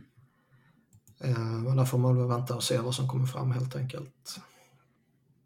Annars har de ju inte jättemycket av intresse på utgående kontrakt utöver Nicolas Delorier. Som eh, han kommer få betalt på Free Agency. Jag tror väl att han kommer vara väldigt eftertraktad. Ja, det verkar ju som att eh, Goons är in demand igen. Uh, lite grann. Alltså framförallt eftersom det inte finns så värst många av dem och som dessutom... Det finns typ fem kvar. Vad sa du? Det finns ju typ fem kvar som... Som är liksom enforcers och hockeyspelare, ja. Mm. Vi har ju sett eh, tidigare, liksom Ryan Reeves, han har ju gått för en first rounder och han har liksom legat på 2-3 miljoner per säsong och lite sånt här. Så Ja. det finns ju ett värde i dem och nu när han kommer på marknaden, han är 31 år, han har tjänat 7 miljoner dollar hittills. Jag skulle inte bli ett dugg förvånad om han kommer komma upp i typ den siffran bara på det här kontraktet. Liksom. Ett treårskontrakt värt 2 miljoner per säsong eller någonting. Ehm, så det lär nog inte saknas intresse för honom. Annars ska man väl inte hänga upp sig så värst mycket på honom. Har vi, har vi något mer vi vill säga om Minnesota? Jag kan inte dra mig till minnes att det har varit några specifika rykten kring dem så utöver Fleury då och det är på plats. Nej, de har väl sin lag på plats i princip. De har någon miljon kvar att jobba med. Jag ska väl fylla ut med lite dept. Mm. Men eh, det är också så här. Det snackas om att Bulgarian... Eh, vad ska man säga? Att eh, han måste liksom anpassa sig till den här situationen. Bla, alltså så här, typ som att det är synd om honom att han är i cap hell. Men det var ju han som valde att köpa ut Sutter i sig. Mm. Han hade absolut kunnat välja att inte göra det. Alltså det, det var ju inte liksom uppenbart rätt beslut. Nej, så är det. Vi, eh, vi gör väl så att vi släpper Wild här då och eh, hoppar vidare till Nashville. De plockade upp Joakim Kemell i första rundan. Eh, 17 valet fick de honom med och det var väl eh, en hel del rankningar som hade han på topp 10 så det är ett potentiellt bra fynd där kanske. Mm. Man dumpade iväg Luke Kunin som sagt och den traden finns det väl inte jättemycket att säga om eh, utöver det vi redan har sagt. Utan eh, den stora grejen är ju givetvis Filip Forsbergs kontrakt. Då. Han signade på 8 år och 8,5 miljoner. Ja, trist att han inte gick någonstans. Men alltså, det är alltid tråkigt när UFAsen stannar där de ska vara. Eh, när de är så nära att bli UFAs. Ja. Man vill ju se... Framförallt han som vi har pratat om, liksom den perfekta åldern att bli UFA. Han är 27 bast, han är inte 32. Liksom. Han kommer från 40 baljor och 84 poäng på 69 matcher. Liksom. Man vill ju se budkrigen och vart han hamnar och så vidare. Ja. Men tråkigt att han fegar ut och tar, bor kvar i huset i Nashville liksom. Mm. Eh, också ganska trist att det är ganska väldigt rimligt kontrakt. Ja, det inte var liksom Wrenski Columbus att oj, här fick Näsland upp utav helvete för att behålla honom. ja, i alla fall någon miljon eller en och en halv miljon för mycket. Eller något sånt där. Utan det känns rätt spot on får man väl ändå säga till, till marknaden och jämförelser och bla bla bla. Mm, visst, tyvärr. Annars eh, är det så värst mycket mer att, att hålla kik, utkik kring. Eh, Preds vet jag inte riktigt. Jag kan inte minnas det har varit några Nej. specifika rykten heller. De har 9 miljoner i cap space så de lär väl förmodligen försöka vara aktiva. På onsdag eh, man tradar ju inte till sig Ryan McDonough och förlänger med Filip Forsberg utan att spendera de där 9 miljonerna man har i utrymme också. Så de Nej, det känns som att man, uh, man kör. Ja. Uh, ska vi släppa Preds? Uh, jajamän. Vi går vidare till St. Louis som i första rundan plockade upp Jimmy Snuggerud. Ja. är väl inte mycket att säga där egentligen, utan vad de Nej, gjorde. Det... Eller, ja det intressanta är vad som händer framöver här. Det snackas om att Tarasenkos trade request är fortfarande inte tillbakadragen. Han är angelägen att dra. Han, han producerade mycket poäng i år trots att han fick lite förtroende. Mm. Um, också verkar det vara en bit ifrån varandra med David Perron och hans kontrakt. Ja, för första gången i hans NHL-karriär så kan det ju bli så att han skriver ett kontrakt med ett lag som inte är St. Louis. Mm. Och då klev han in i ligan. Ja, då klev han in i ligan 07-08, har reppat Blues, Edmonton, Pittsburgh, Anaheim, eh, Blues, Vegas och Blues igen.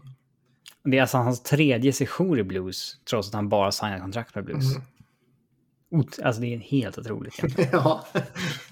Så den sviten vill man inte ska eh, brytas. Nej. Um, de tradar iväg Ville Husso ju. Ja, får ju en third i alla fall och det är ju väldigt bra för en UFA-goalie. Eh, men man, man hade också kunnat säga att de bara hade kunnat resigna honom själva. Uh, men samtidigt... Um, det verkar ju inte som att de ville spendera de pengarna när de nej, har Binnington ja, på 6 miljoner. Och det känns som att Binnington tog tillbaks jobbet lite där i slutspelet. Mm. Innan Kadri plockade bort honom. Ja, exakt. Han var ju väldigt liksom ja, det var bluesfans som sa hade inte bara, hade Binnington varit spelare så hade ni inte vunnit och bla bla. Liksom, ja visst. Han är inte ens bra, men ja. ja. Eh, men ja, de måste ersätta med en målvakt. Ja, men det är ju ändå en backup man kommer gå efter. Jag kan inte tänka mig något annat. Där kan det nog bli en Samsonov kanske, eller... Eh, mm. Alltså, det, man nöjer sig inte med en backup, backup. Nej, man bör väl ändå ha, alltså med tanke på att Binnington kan flippa upp på alla sätt när som helst och eh, kan bli skadad också för den delen. Så... Aiden Hill eller något sånt där kanske, som är lite, mm. lite mer etablerad. Mm. Annars, du, du var inne på det, Tarasenko. Eh. Jag pratade lite om honom förra sommaren, att jag var villig att chansa på honom och eh, han kom ju med vissa frågor, eller vissa rätt stora frågetecken då efter typ trippla axeloperationer eller vad fan det var. Eh, han har ju i princip inga frågetecken över sig nu, känns det som. 75 matcher, 34 mål, 82 poäng och eh, han visade ju på alla sätt att eh, han är frisk och kry. Däremot är ju frågan om eh, det är så många lag som vill trada för honom eh, och sen förlänga med honom. Mm. Han är ju 30 bast och det är fan äldre än vad man tror han är. Ja. Den axelhistorien så skulle man ju i alla fall vara lite, eh, lite skeptisk till att signa honom på 7-8 år. Men det borde ligga i Blues intresse att eh, trada honom snart så att man får, så att man har lite flexibility här med eh, när man går in på marknaden. Mm. Alltså antingen retainat eller inte. Det... Ja, nej, spännande att följa i alla fall. Nick Leddy blir UFA också och uh, han släpper man väl, får man väl anta. Ja, han är, han är årstapp alltså. Det var ju ett av lagen som, eh, som nämndes i samband med Ryan McDonough också. Så de kommer väl kanske ge sig på backjakt på Free Agency. De har ju 9 miljoner kvar och vill de gå på den där backjakten så är det väl förståeligt om de inte kan pröjsa upp till David Perron i alla fall. Men eh, vi släpper Blues där eller? Och rundar av eh, med Winnipeg då som plockade upp Rutger McGrorty och Brad Lambert i första rundan. Där eh, man fick Lambert med val 30 och det är ju lite intressant eftersom han varit väldigt hypad i väldigt många år och aktuell för att gå som, eh, som etta till och med tidigare men har fallit av och fallit av och fallit av. Där kan det ju eventuellt finnas lite fyndpotential när man får honom så pass sent. Annars har man inga trades, man har inga kontraktsförlängningar av intresse och det som är intressant är väl snarare lite rykten som cirkulerar kring laget. Där Blake Wheeler väl eh, är det största namnet. Två år kvar på strax över 8 miljoner. Eh, där bör man nog behöva retaina lite om man ska bli av med honom. Ja. Sen har vi Mark Scheifele har det väl pratats lite om, men det känns som att det har dött ut lite va? Ja, men alltså det kan ju fortfarande smälla till bara sådär. Det... Jo, det är klart. Pierre-Luc Dubois har vi pratat om tidigare, att borde inte han få en stämpel på sig nu? Och det får han kanske, men eh, uh, RFA och uh, det blir väl trade eller ett ettårskontrakt känns det som. Annars kan jag inte minnas att det har pratat så värst mycket om Winnipeg och de är väl uh, inte det laget som det pratas mest om, om man säger så. Av de kanadensiska. Ibland tänker man inte på att de är kanadensiska, man tänker på att alla andra lag får så mycket uppmärksamhet. Mm. Vill du säga något mer om Winnipeg eller ska vi gå vidare till Eastern Conference? Eh, det blir intressant med Dubois. Alltså, ja, vissa av de här grejerna vi surrat om bara för några veckor sedan. Mm. Men... Då gör vi så att vi hoppar vidare till Eastern Conference och eh, Metropolitan där vi går in på eh, Carolina. Och eh, de hade inget första val i draften så då ignorerar vi dem där. De skeppade ju däremot ut Tony The Angelo och um, det finns väl inte så jättemycket att säga om den traden ur Keynes eh, perspektiv. De fick en second rounder, en third rounder och en fourth rounder för honom, vilket är... Keynes perspektiv jättebra såklart. Jättebra. Eh, en spelare som man förmodligen inte var intresserad av att förlänga med ändå. Man hade ju qualifierat honom såklart med tanke på att qualifying offeret var så lågt. Men eh, det var inte en spelare man ville behålla uppenbarligen. Så att uh, då få uh, tre draftval för honom tätt emot, det är bara... Ja, det är bara jubla över att det var en av de här desperata GMs mm. som hörde av sig. Ja, så det var ju bra för uh, Keynes. Bra för Keynes. Vi har uh, inte några kontraktsförlängningar att notera och tittar vi på deras roster så eh, de har lite UFA. Ja, Max Domi, Nino Niederreiter, Vincent Trocek är väl de stora. Sen har vi ju Ian Cole som har hamnat i skiten. Visste du om det? Nej, jag såg att det pratades om honom, men jag vet inte alls vad han har gjort. Han ska tydligen ha varit, eh, han ska väl då vara gift och ha barn och ska då ha vänstrat lite med eh, en av tv-reportrarna i Keynes. Lite? Ja, lite. Ja. Eh, jag vet inte vad hon heter men tydligen ska ju då eh, hennes pojkvän typ ha gjort slut dagen innan de skulle gifta sig eller något sånt där när det här hade kommit fram. Och sånt där eh, snaskigt är ju alltid spännande och eh, Emil har Mycket viktigare än hockeyryktena såklart. Han har varit djupt involverad i allt det här, följt allt det här. Han har liksom rapporterat allting kring, kring det här till mig. Så Ja. det är bara att ta följe på Emil så får man reda om allting kring Ian Coles eh, affär. ja.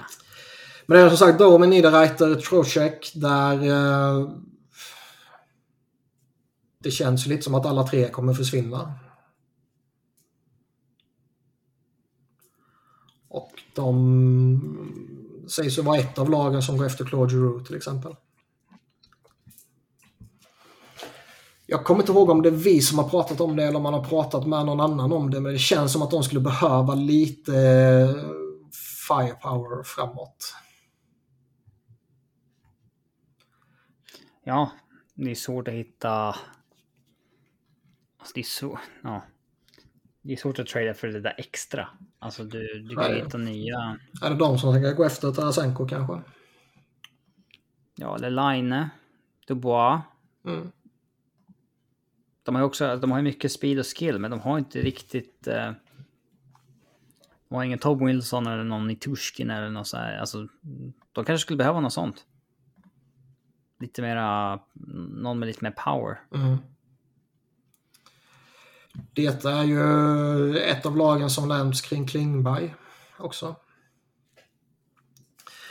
Och eh, D'Angelo, man kan ju säga mycket om, om honom och det kommer vi göra så småningom. Men han producerade bra för dem. Och det är väl poäng som de vill ersätta på backplatsen rimligtvis. Och där är väl Klingberg eh, ett vettigt alternativ, framförallt om man kan eh, undvika det längsta kontraktet. Ehm, Men det känns som att de kommer nog vara eh, aktiva, kanske både på trademarknaden och free agency. Vill du, vill du säga något mer om, eh, om Keynes innan vi går vidare? Ehm, nej. Då hoppar vi till Columbus. De gick på backjakt i draften med David Jirisek i, med sjätte valet och sen Denton Matejczak i, med tolfte valet. Och det är två väldigt intressanta backar som eh, förmodligen kommer göra avtryck i Columbus inom en inte alltför avlägsen framtid. Annars har vi inga trades av intresse där. Vi har eh, en kontraktsförlängning som eh, Adam Bokvist signade upp. Tre år på 2,6 per säsong. Annars finns det inget annat spännande att rapportera kring trades eller kontrakt där. Tittar vi på rosten så, eh, ja, det är väl Patrik Laine, RFA, Gabriel Karlsson fick en qualifying offer så han blev UFA. Prediction är att Gabriel Karlsson kommer skriva på för Colorado Avalanche. Alltså, varför det? För att Chris McFarland värvar alla gamla Columbus. Alltså, alltså... Alla som hade någonting att göra med Columbus när han var där. Mm. Hamnar i Colorado förr eller senare. Ja, då får vi se om din prediction är korrekt. Alltså listan är brutalt lång. Det är fan, Marco och det är Jack Johnson, det är Matt Calvert och det är... Eh, alltså de har haft många såna här... Eh, waiver pickups som har varit gamla liksom... Eh, Columbus-figurer och så vidare. Eh, vilka mer har de haft? Ja, det är ett running joke i alla fall kretsar. Mm. Och att de ska ju ersätta Jack Johnson med någon som är liksom en, inte vet jag, 800k back. Mm. Och det kommer ju... Ja, det känns det kan vara han.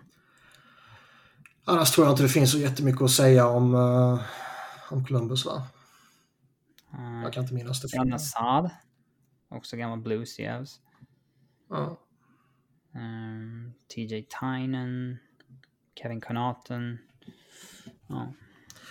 Vi, vi släpper dem och hoppar vidare till New Jersey.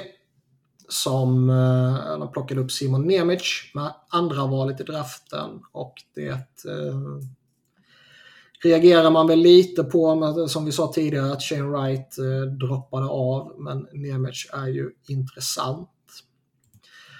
Man har också tradat till sig Vitek Vanecek från Caps tillsammans med en second rounder och man fick ge upp en second rounder och en third rounder för det.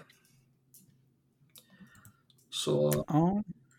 Vanecek ska vakta kassen i New Jersey tillsammans med uh, Mackenzie Blackwood. Ja. ehm. Ja, så de ger inte upp något särskilt egentligen för... De ger upp en third. Ja, man byter, byter ner sig lite second rounder där och sen så uh, skickar man iväg en third för att få in en, uh, en duglig målvakt. Eh, ja. Sen vet jag inte om han är någon... Jag vet inte. Det känns som en, en i mängden av alla de här som man kan bara rulla tärningen på och hoppas att han har en bra säsong. Ja, så är det Eh, mm. Ehm, Man har ju ett gäng RFAs i Jesper Bratt och Miles Wood och Pavel Sacha och sånt här. Inga UFAs av intresse utöver PK Subban och han kommer man ju förmodligen garanterat släppa. mm. Man sägs ju vara ett av lagen kring eh, Johnny Hockey. Och det skulle ju uppröra mig något otroligt. Ja. Om han flyttar hem och så blir det fucking jävla Devils. ja, som man alltid hållit på. Då får vi dra igång en jävla hatkampanj. Men annars eh, har det varit något snack om Devils i övrigt? Tror jag inte va? Jag kan inte komma ihåg något. Ah, stora kontrakt så jag som på Jesper Bratt, det är väl det. Uh, Lite trade-rykte med Pavel Saka. alltså, de har jag missat. Ja, Kevin Weeks eh, skickade ut det. Jaha, ja. Ehm, han är ju lite lös kanon, Kevin Weeks. Mm. Det är liksom... ehm, kan skicka ut väldigt diffusa rykten och sen så är det så här exakt de här kommer att tradas inom en vecka. Mm. Då är det så här, ja. Det är väldigt högt och lågt. Men ja, det blir intressant att se vad som händer där kommande veckorna, absolut. Vi, eh, vi släpper New Jersey. Vi går in på eh, New York Islanders. Ingen first rounder, så den eh, draften släpper vi. De skickade ju istället iväg den till Montreal. Eh, I utbyte mot Alexander Romanov och ett eh, draftval i fjärde rundan. Var inte det ett fruktansvärt högt pris för Romanov? Fruktansvärt val 13. Ja, kanske. Eh, Han är väl inte så högt ansedd? Det lät ju på dig som att du slänger ut som att det är liksom världens mest uh, uppseendeväckande trade. Men det kanske... Ja, men lite. Ja. Trettonde valet mot, mot Romanov. Alltså, Alltså han var ju extremt hypad tidigare. Har, har det fallit av så mycket? Jag vet inte riktigt. Han har ju, han har ju inte tagit NHL med storm så liksom. ja. Alltså. Nej, jag tycker... Alltså han är ju fortfarande en kille som Montreal liksom scratchar till och från. Mm. Eh, det är klart att det kan bli bra, men... Ja, Ja, det är ju en chansning, får man väl säga ja men Lou bryr sig inte om framtiden. Nej, Han kommer dö ändå. Man har ju annonsat ett gäng med jävla eh, meningslösa kontrakt så de kommer vi ignorera. Och går vi in på rostern så är ju Kiefer Bellows RFA, Noah Dobson RFA, Romanov RFA också och sen har man ju då eh, gubbarna Chara och Andy Green som är UFAs. Det har pratats lite om Varlamov, att man kanske eventuellt eh, att han skulle vara tillgänglig. Men eh, sägs också Ja. att de gillar det paret. Ja, men det pratas om honom på ett sätt som att eh, om de får något stort, då tradar de honom. Mm. Och just nu finns det ju fler målvakter än lag som behöver målvakter, så att jag Så du ser det? Ja, det skulle väl vara om de eh, desperat skulle behöva skaffa sig lite cap space. För även de sägs ju vilja gå efter Johnny Hockey. Ja. Eh, annars kan jag inte dra mig till minnes att det har varit något snack om eh, någon befintlig spelare hos dem. Eller något rykte i övrigt. Chara har väl sagt att han kommer typ känna på det fram till december, och sen, eller september och sen får han se. Och det är väl rimligt, Ja. rimligt i 45-årsåldern. Men det känns väl som att han har sjungit sista versen. Han eh, borde nog Det var ju en jäkla meningslös säsong i fjol och helt fel lag han valde. Och, ja. Ja, hela syftet med den säsongen var ju i så fall att eh, spela där och sen flyttar vi trade deadline. Men inte ens det ville han ju göra. Så den var ju fullkomligt meningslös den säsongen. Mm. Vi, vi släpper Islanders, vi går vidare till New York Rangers. Saknade first rounder, så draften ignorerar vi. Sen har vi då Georgiev-traden där de fick in två thirds och en fifth rounder. Eh, Det var väl rimligt att släppa honom. De behöver väl uh, cap space. ja, tacka och ta emot där. De skulle aldrig qualify då fan på den där summan ändå. Nej, 2,8 eller vad det var så att säga. Det, de har ju Capocacco som är RFA och det kommer ju lösa sig. Sen har de eh, Ryan Strome, UFA. De har Andrew Kopp, UFA. Tyler Mott, USA. Och eh, det är väl de... USA. Sa jag USA? Jag vet inte. Ja, jag Nej, menade UFA i alla fall. Det är väl de som är de, ehm, de stora. Ja, De har ju 10 miljoner capspace eh, och behöver fylla ut rosten och plötsligt käkar man ju upp 10 miljoner rätt fort då när de behöver peta in en back till, en målvakt och sen eh, en handfull forwards. Så, speciellt när de sägs vara ett lag som är på Kadri. mm. Fan ska det gå till? Ja, då behöver man ju dumpa iväg någonting, men vad är det då? Ja. Det, är sist, det här blir sista året de betalar fyra spelare död capita. Ja. Chattenkirk, Girardi, D'Angelo och Brad Riches. Brad Riches kommer visserligen betala fyra år till, men det var en Amnesty buyout så den inte kostar mot kappen. Ja. Vad, ja, vad skulle det kunna vara de ska dumpa iväg i så fall? Det är väl en Nemet typ kan man få lite eh, pengar för att bli av med. Ja, jävlar vad han eh, har fallit av nu. Alltså han var ju dålig i Avs när han gick dit, men det tänkte man ju bara vara en outlier, för han har ju en ganska god historik av ja, att vara en bra defensiv back så. Men det dog ju av helt nu i Rangers. Mm. Så att eh, du för han att han skrev det här kontraktet innan han gjorde. Ehm. ja, nej, men där har Chris Drury lite att lösa. Det känns ju som att de kommer offra... Alltså de kommer tvingas offra typ Andrew Copp kanske. Ja, kanske att man kan ha, få in en av Strom eller Kopp. Strom är osexig men Copp är mycket... Alltså han lär ju vara mycket dyrare. Ja. ja, vi får se. Har vi något mer vill säga om dem eller ska vi gå vidare?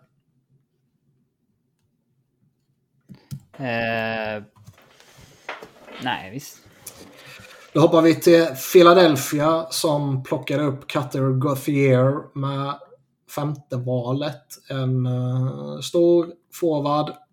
Inte riktigt uh, uppenbart om han är winger eller center än så länge. Men uh, det är väl ett val som jag inte uh, har något emot att man gjorde. Han känns... Han får nog eh, en stämpel på sig som är lite orättvis bara för att han är, råkar vara stor. typ. Men han är rätt skillad och, och skridskostark för att vara stor. Så han ska bli spännande att följa. Men det stora man gjorde kring, kring draften var ju givetvis Tony DeAngelo. Man tradar till sig honom. Man gör då upp, som vi nämnde tidigare, en second round, third rounder och fourth rounder. Och sen signar man DeAngelo till två år och fem miljoner. Och den har ju många nivåer i sig. Den tra traden och eh, eh, eh, kontraktet liksom. Ska man bara ta det sportsliga till att börja med så är det ju en liksom en användbar powerplay-back såklart som även kan eh, eh, kan bidra lite i, i uppspel och, och pucktransport och sånt här. Men nu har man alltså slängt iväg en first rounder, tre stycken second rounders, en third rounder, en fourth, en seventh, Shane Gustafsberg för Rasmus Ristolainen och Tony DeAngelo. Um, ehm, skickat ut ett jävla kontrakt till Ristolainen på det och dessutom ett, ett halvsunket kontrakt på DeAngelo. Det, det är ju anmärkningsvärt alltså. Det börjar ju bli tydligt att um, Flyers kommer suga ganska länge. Alltså, man, inget kommer ju vända förrän man har en management group som tar fler smarta än dåliga beslut. Nu ligger man ju på en väldigt dålig ratio där. Alltså det är ju bara att hoppas. Alltså, de, de groomar ju Danny Breer för att han ska bli GM. Det, det känns uppenbart att han kommer bli det. Och frågan är om han blir det om en vecka eller om ett halvår eller om ett år. Liksom. Um, och det är bara att hoppas att han tittar på det här och lär sig hur man inte ska göra. Det är ju inte så att varje ung cool G alltså, kommer bli en bra GM. Nej, nej, nej. Alltså så här, det, det kommer finnas dåliga GMs i framtiden också. Så är det verkligen. Så att... Uh, ja. Sen så är väl det här rimligtvis en indikation på att man uh, är skeptisk till uh, Ryan Ellis. Ja. För jag tror ju inte att de verkar ju vara sålda och helt övertygade på att Rasmus Ristolainen är en topp 4-back. Och man signar inte honom på 5,1 miljoner för att spela i tredje paret. Vilket innebär, och man signar inte DeAngelo på 5 miljoner för att spela i tredje paret heller. Liksom. Det, det enda det här tyder på är ju att Ryan Ellis, antingen räknar man inte med honom överhuvudtaget eller så räknar man med att sakna honom en bra bit av säsongen i alla fall. Och det är ju rätt oroväckande. Men det börjar ju framstå som tydligt varför man fick honom så billigt. Det var en chansning. Mm. Eh, kanske visste man om problematiken som fanns i hela hans jävla mellangärde. Eller så visste man inte om det och blev blåsta. Sa inte Friedman eller Cervelli eh, att någonting om att Gaudreau um, typ vill avvakta och se hur rosten utvecklar sig där han signar eller någonting. Eh, I så fall ligger det bra till. Ingen aning. Dock ska det ju sägas att tydligen är han och DeAngelo kompisar. Ja. Det, ja, vi nämnde ju det att det fanns lite olika... Vad sa du? Han kanske också är rasist. Ja, man vet. Men det, det fanns lite olika eh, sätt att attackera DeAngelo på och eh, tittar man bara på det sportsliga... I ansiktet som Georgia ja, exakt, exakt. Men tittar man bara på det sportsliga så nämnde vi det. Det finns ju hela, hela den andra grejen också med hans jävla bagage som kommer och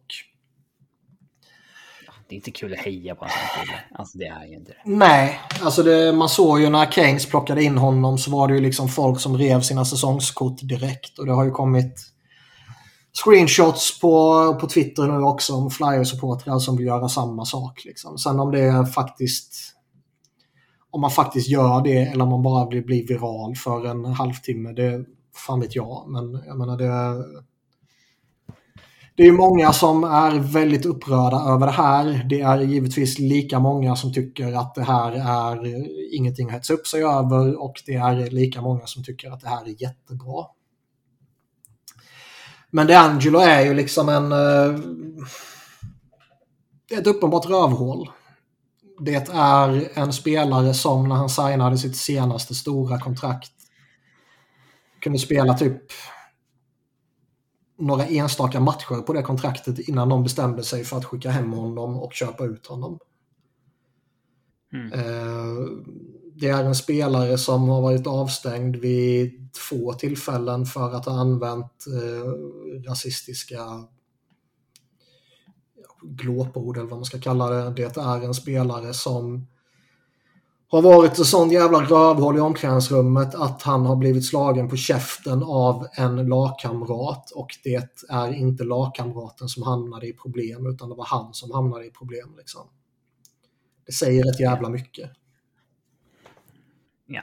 En allmänt eh, djupt oskön människa som eh, man absolut inte vill se i sitt lag och den här jävla pissorganisationen gör verkligen allting för att man ska distanseras från laget. Sen är ju frågan eh, vad kan de göra för eh, att kompensera för det här, om man säger så, bland supportrarna? Räcker det att plocka in Johnny Hockey? Det gör det kanske. Ja, men spelar det någon roll i slutändan om resten av laget ska byggas skit? Alltså spelar det någon roll om man har eh, Gaudreau som gör liksom 80-85 poäng på sin vinge? Alltså... alltså det beror ju på vad du menar. Kommer de vara en contender? Absolut inte. Är de ett bubbellag och kan gå till slutspel och kanske något år vinna en slutspelsrunda? Ja.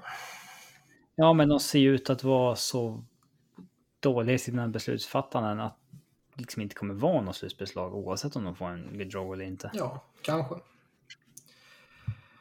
Det ska väl också sägas att eh, Kevin Hayes har ju gått ut och hyllat Tony D'Angelo och sagt att han är eh, jättebra lagkamrat, han är skön, alla kommer gilla honom, det här omklädningsrummet eh, kommer verkligen uppskatta honom och behöva honom. Och det får väl inte en direkt att eh, jubla över hur det verkar vara i det där omklädningsrummet i så fall.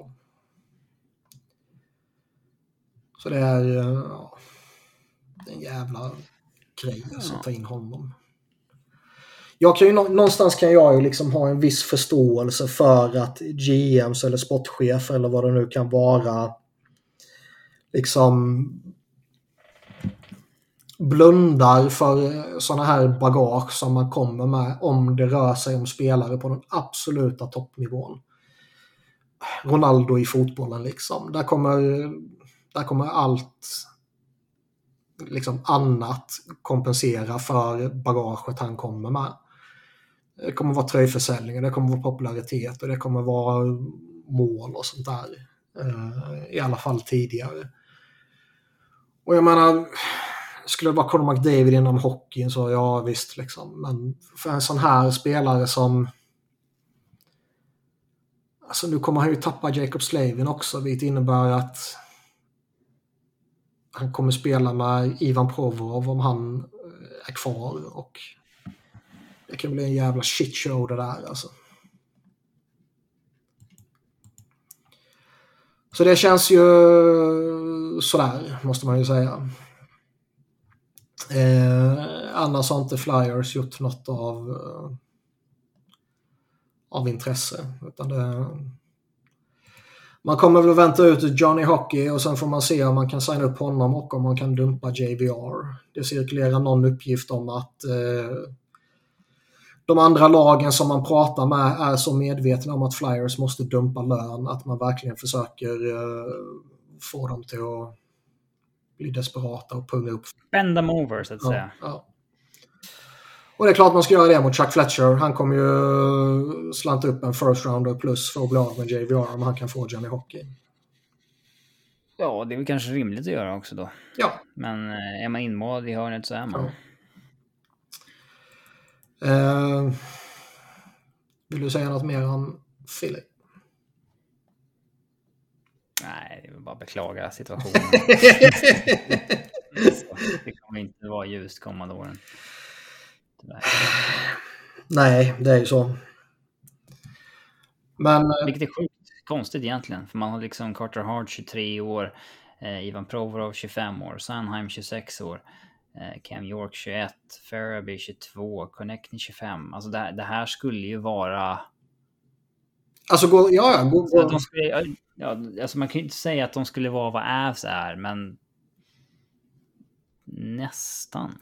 Men alltså gå tillbaka, nu kommer jag inte ihåg om det var liksom två år eller fyra år, men, men gå tillbaka några år så var det ju allmänt erkänt att Flyers kanske inte hade den absolut bästa, men i alla fall en av de absolut bästa talangpoolerna i ligan. Och Ja. Sen så har liksom Nolan Patrick har blivit en jävla episk flopp och eh, alla de där som du eh, drog upp som är i 25-årsåldern har ju egentligen inte lyft på det sättet som man kanske trodde att de kunde lyfta. Mm. Men eh, Sjukt att Ristolainen är bara 27. mm, Varit med så jävla länge. ja nej, man behöver bara... Efter förra säsongen var man ju knäckt liksom och eh, som det är varje gång när det blir sommar så lyckas man ju lura sig själv till att gör vi bara en bra sommar så kommer det kunna bli en bra höst sen liksom. Och sen så är liksom Chuck Fletchers masterplan är att signa upp Rasmus Ristolainen på det där kontraktet och eh, trada för Tony DeAngelo. Det är ju som vi sagt, det är ju inte förtroendeingivande. Men från en inkompetent GM i Flyers till en före detta inkompetent GM i Flyers i form av Ron Hextall som monterar ner Pittsburgh, eventuellt. De plockade upp Owen Pickering i, i draften i första rundan. Utöver det finns det väl inget att säga där. De har eh, inte stått för någon trade av intresse utan det som är intressant är ju att de har signat upp Chris Letang på 6 år och 6,1 miljoner samt att eh, det verkar som en Jevgenij Malkin kommer testa marknaden. Enligt Dreger så kan man göra det, ja. Ja. Bör, Det är mycket, ja. börjar vi med, med Malkin så eh, snacket är väl att han vill ha fyra år från Pittsburgh och de inte vill gå så långt. Rob Ross skrev ju ganska uttryckligen att han har inte blivit erbjuden fyra år. De har pratat om hur fyra år skulle se ut, men det hade jag aldrig liksom lagt på bordet. Mm. Och det förvånar ju oerhört. Alltså man har Sidney Crosby som är 34 år, har tre år kvar på kontraktet. Man viker sig med Letang och skriver sex år trots att han är 35 bast. Varför är Malkin ett problem? Alltså hela Pittsburghs window bygger på Letang, Crosby, Malkin. Hela den här generationen bygger på det. Man har redan... Alltså... Man kommer kunna vara bra ett, två, tre år till. Så länge den här kåren orkar. Men om... eh, om det är väl bara att gå för det. Alltså det spelar ingen, det spelar ingen roll om Malkin får fyra, fem eller sex eller sju års kontrakt. Alltså, Nej, och det är ju inte vilken spelare som helst vi pratar om heller. Det är... jag pratar om världens bästa genom tiderna. ja. Som dessutom är fortfarande är svinbra. Visst, han har lite hälsoproblem. Eh, svårt att inte vara skadad och så vidare, men... Jag begriper inte. Dessutom när man redan har committat nu med Letang. Då är det liksom en större anledning tycker jag att... lika- Committa med Malkin också, ja. ja, att liksom...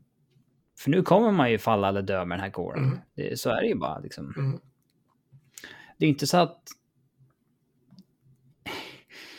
Liksom, Avs eller Tampa, de kan ju inte ge Malkin fyra år. För man vill ju vara bra om fyra år också. Mm. Men Pittsburgh, allt hänger ju på de här spelarna. Det bara Ja, ge man ska bara komma ut i sista. Ja. Och alltså, tänk om, om, eh, om det skulle varit Flyers och det kommer in en tidigare Pittsburgh-ikon, blir GM och det första han gör är att skicka iväg en av liksom senaste 15 årens största spelare och liksom en Philadelphia-ikon. Man skulle ju driva den där jävla Pittsburgh-dåren ut ur stan. Mm. Och Alltså om Ron Hextalls legacy blir att det var han som sparkade ut Malkin. Ja, första han gjorde på jobbet ja. liksom. Och visst, alltså ibland så... Ibland så behövs det att det kommer in en GM utifrån för att... Eh, oh, nu är Matt Murray-traden officiell. Men det tar vi lite senare. Ibland krävs det ju att det kommer in en GM utifrån för att liksom ta de tuffa besluten. Han har inga relationer till spelare sedan tidigare, ingen lojalitet och bla bla bla. Men eh, jag tycker inte det går att tillämpa i Malkins fall. Inte när man, som, som du sa, att man har liksom redan committat sig på Letang. Ännu större anledning till att committa sig på Malkin då också. Och... Um, nu är det väl ingen som skulle bli förvånad om, om Malkin testar marknaden på onsdag kväll och märker att eh, äh, vad fan, jag stannar i Pittsburgh ändå. Men eh, Alltså är jag Tampa, är jag Colorado så skulle jag ju jag skulle kolla läget med honom. Jag skulle ju inte skriva, skriva det där stora kontraktet som, som du sa för det har man ju inte utrymme för. Liksom. Men eh, liksom, kom hit, vinn en, en cup till, ge dubbelfacken till Pittsburgh, eller till Ron Hextall i alla fall. Och eh, lira med lite roliga kedjekamrater, typ. Ja. Jag vet ju inte riktigt, alltså är, är det något lag där ute som liksom desperat behöver en ledande center så vet jag väl inte om man skulle lägga den kraften på Malkin. För han kommer ju ändå med en, uh, en viss risk. Ja, men finns det något exempel på ett sånt lag? Eller? Nej, jag vet inte. Men, men eh, är jag ett lag som behöver lite komplement. Uppsidan är ju... Ja, uppsidan är enorm. Sen är det ju, det är ju lite high risk, high reward-vibbar. Med tanke på skadehistoriken. Är han borta en halv säsong så kan det ju bli kostsamt. Det är ju självklart liksom. Men uppsidan är så jävla massiv att jag, jag skulle gå efter honom hårt. Alltså. Um, ja. Men som sagt, det skulle väl inte förvåna någon om han vänder tillbaka till Penguins och signar där. Tråkigt nog blir det så till slut. Ja. Man vill ju se...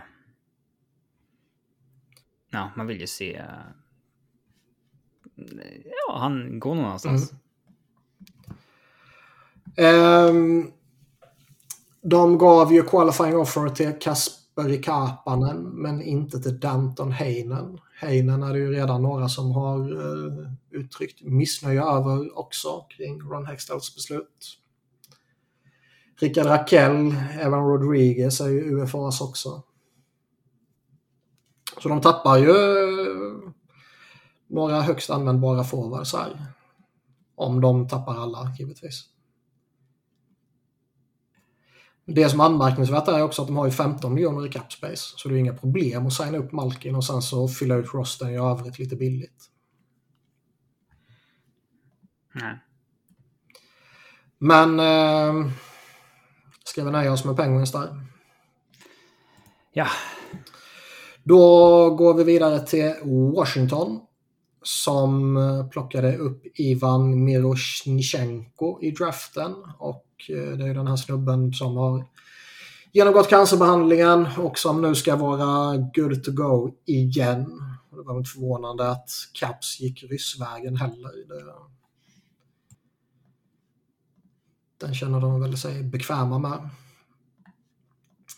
Men eh, ja, vi nämnde Vitek Vanecek-traden här. De tradade iväg honom och samtidigt har man ju då eh, inte gett någon qualifying offer till Ilja Samsonov, vilket eh, eh, höjde på några ögonbryn i alla fall. Så nu står man ju utan målvakter.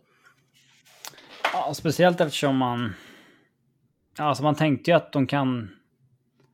Eh, när de hivade Vanecek till eh, Devils, mm. tänkte jag ja, de kör Samsonov och en, en till, men att nu står de utan mål helt. Det innebär ju... Uh, uh, det, det, känns ju som att det är de som kommer dega upp för Kymper. Ja, han placeras väl där enligt ja, ryktena. Liksom. Mm. Och det... Det känns väl rimligt. Men det är uppenbart att man kan, kommer gå efter målvakt i alla fall. Ja. Eh, annars har man lite UFAs. Marcus Johansson, Johan Larsson, Mikael Kempny, Matt Irwin, Justin Schultz. Jäkla situation med Niklas Bäckström Mm. som eh, väntas sitta hela året och man har ju eh, ungefär 9 miljoner i capspace nu och det är väl rimligt att anta att eh, mycket av det fylls upp av två målvakter och sen så någon djup back typ. Men sen har man ju rosten set och sen kan man ju då, beroende på hur läget är med Bäckström, eh, eventuellt spendera hans 9 miljoner också. mm. Och då är det ju en... eh, Kadri nämns ju också som ett, exakt, och det är en Kadri som eh, har nämnts. För där kan de ju också skita i uh, Turman. För de ska bara vara bra här kommande två, tre åren. Krama ur det sista ur Ovechkin, Beckis och, och så vidare. Annars kan jag inte dra mig till minnes att det har varit så värst mycket om eh, eh, om Caps. Mm. Så vi släpper väl om. Vi uh, hoppar vidare till Atlantic Division och där börjar vi med Boston som saknade first rounder. Så då skippar vi draften där. De har uh, inte gjort någon trade av intresse här. Blickar vi mot uh, kontrakten så är det väl inget av intresse där heller. Utan går vi vidare till rostern så är ju det hetaste snacket för tillfället att David Krejci är på väg tillbaka. Konstigt i och med att han stack för år. Alltså så här, det är inte så att de har Ja, bytt flyttade hem. med... Ja, ja. Att komma tillbaks. Eh, kanske också var trött på Cassidy. Ja. Det surras ju också om att Bergeron har bestämt sig för att köra. Mm, det är ju inte officiellt ännu vilket... eh, Det känns, det känns ju som att de här jävla... De här kan... De här kan skulle... Alltså Boston har ju ingen cap space. mm. Men att Bergeron Krejci skulle kunna så här enas om att vi gör något superlojalt där mot Boston nu. Signa Ja, en var. typ. bara- Ja, det, det skulle kännas väldigt dom. Men vad... Kom det inte rapporter om Bergeron att det var för några miljoner ändå, fem miljoner? Eller är det bara något jag har fått för mig? Jag har inte satt det. Det är kanske bara något man har fått för sig. Kul när Toronto gör en trade och Cap Friendly twittrar ut att 40% av all trafik mot Cap Friendly just nu är Matt Murray som ja, det, är bara, det är så lite ändå alltså. Ja. 40% av all trafik. Ja. Mm. Annars är det ju David Pasternaks agent ska ju ha träffat Don Sweeney här i samband med draften och eh, det är någonting man behöver reda ut den här sommaren. Även om Boston är i ett läge där, ehm, där de kanske ska vara lite kortsiktiga nu när Patrice Bergeron kommer tillbaka, David Krejci kommer tillbaka, de har Marchand och så vidare. Så eh, man kan inte gå in i säsongen med Pasternak osignad. Det är att riska för mycket tycker jag. Så det här är förlängning eller trade till sommaren. Mm. Eh, även här har ju Nassim Kadri placerats in. Det hade varit jättekonstigt. Ja. Om, Jag får glömt att han var liksom hatad i Boston. ja. Konstigt av den anledningen men även konstigt för eh, ja, det är om tradar iväg Pasternak mot något annat och sen ersätta honom med Kari, typ. Um, ehm, annars är det inte mycket av intresse att nämna i, i Boston. Jag kan inte dra mig till minnes några andra rykten som har cirkulerat heller.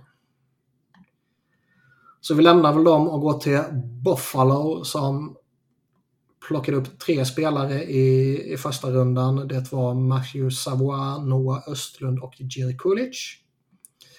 Tre forwards som eh, alla känns tämligen eh, spännande. Och vi får se om Sabres har eh, något nytt på gång eller om de kommer trasa sönder ännu en generation. Eh, vi pratade om Craig Anderson senast. Annars har det inte hänt något i, laget i övrigt. Och eh, blickar vi mot truppen så finns det ju inget av intresse där heller att lyfta fram egentligen. Det är Viktor Olofsson men han är RFA så det kommer ju lösa sig. Ja. Så har vi någonting att säga om Buffalo. Nej, jag blir så jävla trött. Ja. Vi skiter i Sabres och går på Detroit då. Eh, Marco Kasper plockade de upp i draften. Finns väl inget relevant att säga om honom. Eh, de tradar till sig Ville Husso. Det eh, nämnde vi lite snabbt när vi pratade Blues. Eh, men hur ser vi på det ur Detroit? Eh, deras synvinkel. Han signade honom sen på tre år och 4,75. Jag tycker att det är bra. Eh, det var väl den bästa UFA-målvakten som fanns och 27 år gammal och eh, Nedeljkovic Husso, det blir en bra tandem som inte heller är svindyr combine så att eh, och de har ju cap spacet så att nej, det är ju vi ser Iceman. Nu trycker han ju lite på knappen att försöka bli bra. Så är det. Gjorde han ju visserligen redan förra året, men nu eh, eh, känns det som det händer mer. De kommer ju spendera känns det som när Freelancen öppnar. Mm. Dels har de ju ett, eh, en kontraktsförlängning med Dylan Larkin. De behöver ta fram. Han blir ju UFA om ett år. Och det kommer man ju lösa denna sommaren. Sen känns det ju som att han, uh, Iceman... Trada Bertuzzi va? Vad sa du? Kommer nog trada Bertuzzi va? Ja, det känns väl så. Och eh, som, som du sa så kommer man väl gå på jakt på, på Free Agency. Det skulle inte förvåna om, om Detroit eh, landar något av de stora namnen. Mm. Card har ju nämnts, men jag vet inte om det är rykten eller spekulationer eller hittepå. Det verkar ju typ aldrig läcka ut någonting från Iceman. Men truppen i övrigt finns det väl eh, inte mycket att säga om. Några halvdana RFAs. UFA kommer man väl släppa kanske med Mark Stahl som något undantag. Så jag vet inte om vi ska släppa Detroit där och eh, vandra vidare mot Florida.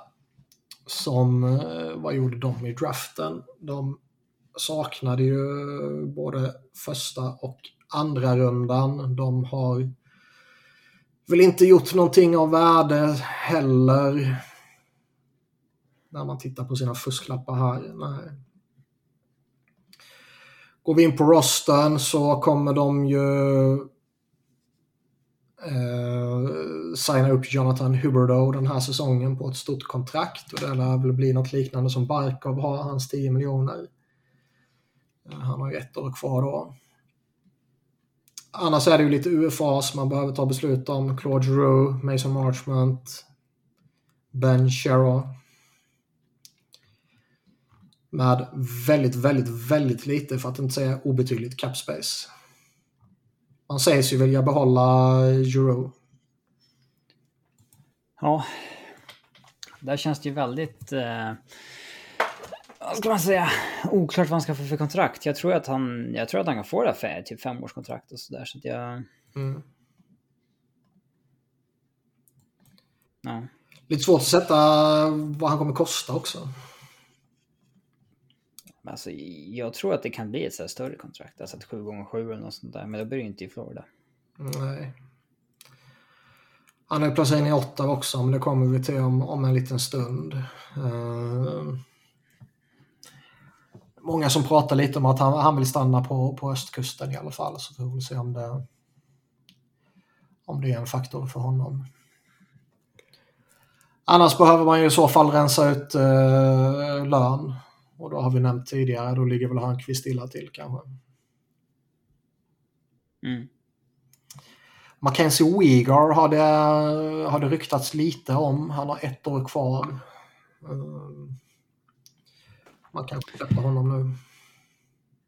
Ja, det känns som en kille de inte riktigt liksom...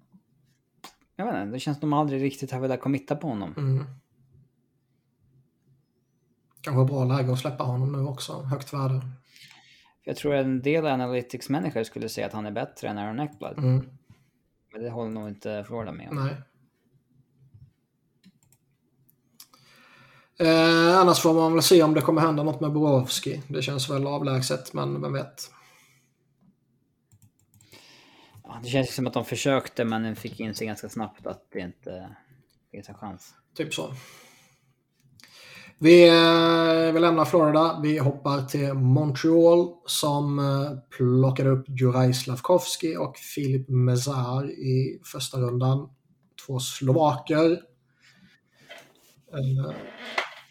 Man tradade till sig Kirby Dash. Man släppte Alexander Romanov för lite picks som vi har nämnt tidigare. Ja. Och man har eh, ja, inga kontrakt av intresse sådär. Men jag tycker eh, Habs är intressanta. Jag tycker Kent Hughes eh, har gjort ett bra jobb under inledningen här. Det känns ju som att de har hittat en kompetent eh, ledning över en natt. Mm. Och att... Eh, visst, det är alltid kul när de stora lagen drivs av eh, dåliga management, men det är ändå lite dags för eh, Habs att eh, vara bra igen tycker jag. De har ju inte varit bra på riktigt sedan de vann senast känns det som. Ja. Det, jag behöver tycka att det, det är dags. Liksom. Mm. För det, på något sätt, de stora organisationerna ska ju ändå vara bra. Ja, det är lite så. De, de, de största eh, organisationerna det är liksom Montreal, det är Toronto, Boston, Rangers, eh, Detroit, Pittsburgh är väl där numera. Philly är väl där fortfarande. Om man tittar på vad de är värda och omsätter och sånt här. De behöver ju gå bra för att driva ligan framåt ekonomiskt liksom och höja lönetak och hela skiten. Men eh, det pratas ju fortfarande om eh, Jeff Petrie till exempel. Det pratas fortfarande lite om Josh Anderson. Det ska bli väldigt spännande att se om, om Habs kan dumpa iväg någon av dem när eh, något lag går miste om något stort namn på Free Agency och får lite panik. Det pratas ju om significant interest för Josh Anderson. Så där är det ju verkligen bara att eh, hia. Ja, herregud. Alltså, hade han haft ett rimligt kontrakt så visst, behåll, men det där måste man ju försöka ta sig ur och Mm. ja. Ja, ja. Sen kommer jag väl ha öronen öppna angående Carey Price, men den börjar bli svår. Ja, det kommer... Alltså när han kom från det här superslutspelet förra året, då fanns det ju hopp.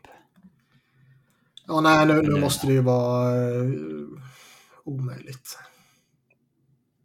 Ja. Jay Gallens namn har väl cirkulerat upp här och där på något enstaka tillfälle. ja. Han borde ju inte vara in demand alls tycker jag heller, men Nej. Eh, annars finns det väl inte så jättemycket att säga om eh, Canadiens. Så vi vandrar väl vidare till Ottawa. De eh, släppte iväg sin first rounder som vi har nämnt tidigare och eh, Fram till eh, för en liten stund sen var det ju bara The Brinkat-traden som var värd att lyfta här. Där de gav upp en first, second och third rounder. Så vad, hur ser vi på The Brinkat ur Ottawas perspektiv? Eh, alltså rent assetmässigt så är det väl ingen dålig trade. Eh, men jag är väl inne på att det kommer bli dåligt. För Ottawa. För jag tror att han kommer gå som UFA om två år. Ja, Alltså, om in... Visst, de måste väl, liksom, de måste väl eh, försöka, vad man ska säga. Alltså, jag, jag, tycker ändå Ottawa är, tycker ändå är ett intressant läge. För jag tycker ändå de har samlat på sig bra talanger. De har en, en, en rätt okej okay yngre core. Och de är ju i ett läge nu där de behöver liksom levla upp. Och The Brinkat kommer ju hjälpa jättemycket där om han kommer göra sina baljor. De, ehm, vilket inte är helt självklart heller förresten när han tappar på Nej, det kan ju vara nya Bobby Ryan-traden. Ja. Att det är...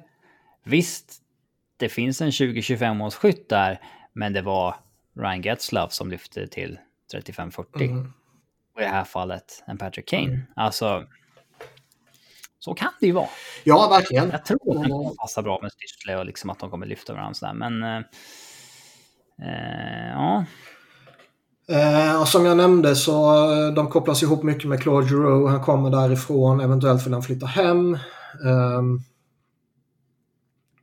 boosta upp det och dessutom pratas det lite om någon, någon back också sådär. De vill peta in. Helt, helt plötsligt så är kanske Ottawa inte skitdåliga.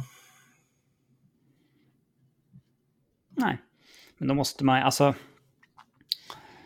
Eh, nu gör man ju en vettig deal där man liksom lyckas skyffla bort Matt Murray och... Eh, eh, och köpte ut Colin White. Eh, de har gjort tre, fyra smarta grejer på rad här det känns ju inte i linje med Pierre Dorians eh, tidigare. Eller var det bara Eugene Melnick som styrde och ställde och sa att du ska göra det här och det här? Framstår ju nästan så. ja, jag det är oerhört svårt att tro att Pierre Dorian är smart. Alltså, ja, jag med. Men han kanske inte är komplett galen. ja, fast även när han har eh, liksom... Om, om det skulle vara så att han tvingades till Alexander Burrows-traden, till Mark Stone-traden, då hade han inte gått ut och snackat om dem som han gjorde, om hur jävla stolt Nej, han var. Liksom. Nej. Eh, så att, eh, ja. Det känns ju mer som att även en blind höna kommer råka träffa rätt här två, tre gånger. Mm. Så är det förmodligen. Men jag tror ju att chansningen med Drink att det inte kommer gå hem. Att eh, det blir UFA om två år. Alltså ja, det är en definitionsfråga. Jag kan mycket väl tänka mig att den går hem så tillvida att han producerar bra för dem. Men att han sen sticker. Ja, man kan ju trada honom nästa år i så fall också. Ja. Alltså vid deadline, så där, om man inte blir kvar. Som gjorde med Duchene. Ja. Det kan ju bli en ny Duchene-situation. Han tog mig också med ett och ett halvt år kvar och sen vart det UFA och ja. Mm. Jag vet inte om det finns jättemycket att säga om Matt Murray-traden ur Ottawas perspektiv. De, eh, de får future considerations och eh, betalar en third rounder och seventh rounder för att bli av med honom. Men, eh, Om vi håller bara 25 procent av lönen mm. på ett ganska långt kontrakt. Mm. Så att, eh, nej men jag tycker att de Um, eller för sig, det är bara två år kvar på det. Men... Det kändes ju som att tycker... skiten brakade sönder rätt rejält där. Så de var nog rätt desperata att bli av med honom ändå. Mm. Visst. Um, något mer om Ottawa? Nej. Då hoppar vi lite söderöver och går in på Tampa som plockade upp Isaac Howard i första rundan. Man har eh, inte gjort någonting sen Ryan McDonough-traden och man har inte gjort någonting sen Nick Paul-kontraktet utan det är ju... Snack om André Polat. Det kan vara svårt att... Eh... Det är han man väntar in. Mm. Man har ju inget utrymme utan man behöver ju käka upp Brent Seabrook-pengarna i så fall. Men det känns ju som att när man dumpade iväg McDonalds så var det ju för att lösa Andrei Palat. Så det är nog en mm. Eh, missräkning på något sätt om man inte eh, får honom på plats.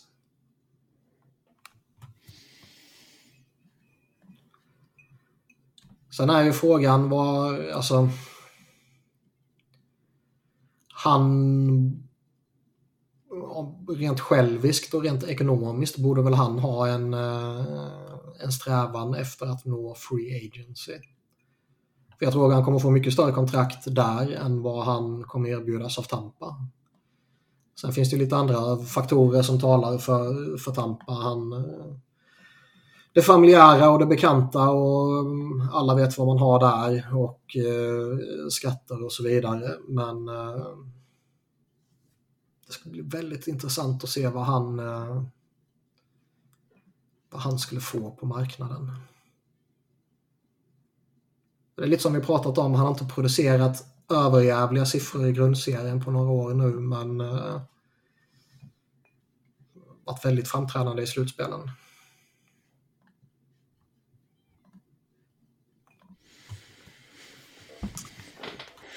Men jag utöver honom är det väl inte så mycket att säga om Tampa. Så vi, vi hoppar in på eh, sista laget, Toronto. Och de eh, hade ju ingen first rounder så den skippar vi. Och, eh, vi... De hade en, tradade bort den mot Rasek och tradade Ja, exakt.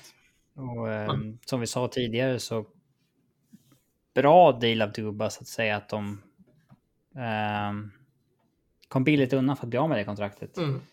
Men precis som i casting-grejen så var det ju Dubas som signade kontraktet från början. Jag, tog, jag tycker dock att det är väldigt liksom... Det är lite knee-jerk över hela den här Mrazek-grejen. Att... Alltså, alltså visst, åh. det var en dålig sample size i Toronto, men att han liksom är persona non grata. Han, är, han sitter ju inte på ett stort kontrakt fortfarande. Alltså det som förvånar lite är ju liksom att visst, man har en, eh, en osäkerhetsfaktor i honom. Man dumpar iväg honom och sen skaffar man sig kanske en ännu större osäkerhetsfaktor. Ja... Eh, För det gör man väl? Alltså han, ja, jag tycker ju att han har... Uh, han har väl ganska bra bounce back potential med Rasek. Mm. Han är bra sample size innan det här. Det var därför han fick det här kontraktet. Mm. Så att, ja, jag tycker jag faktiskt är lite märkligt.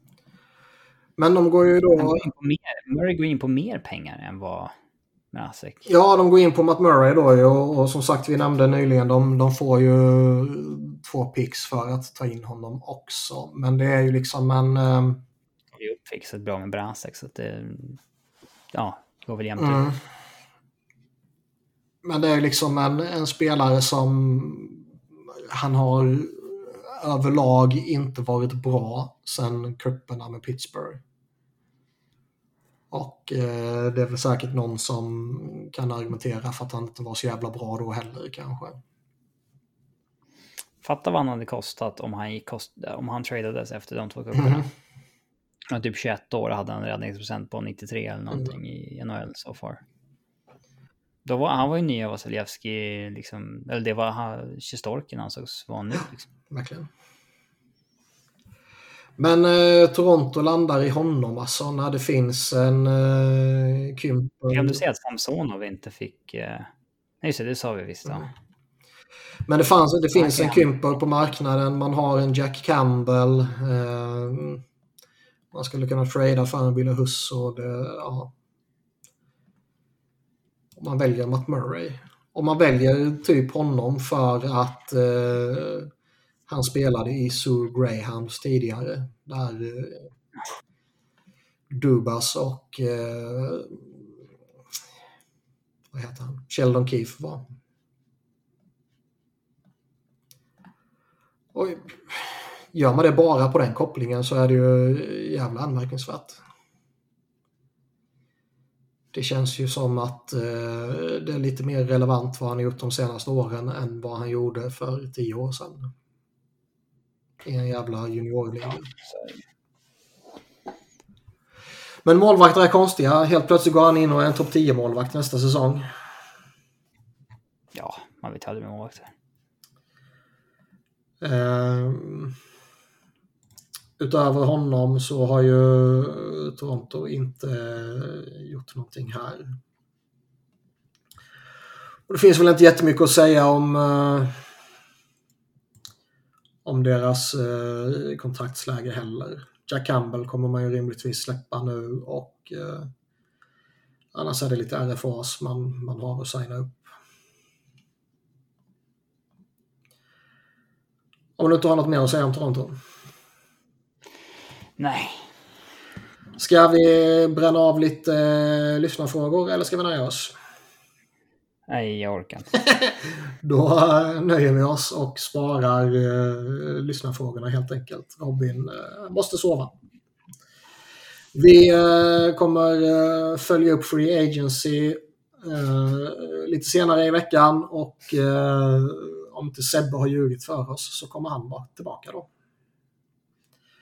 Mm. Så vi, eh, vi hörs då.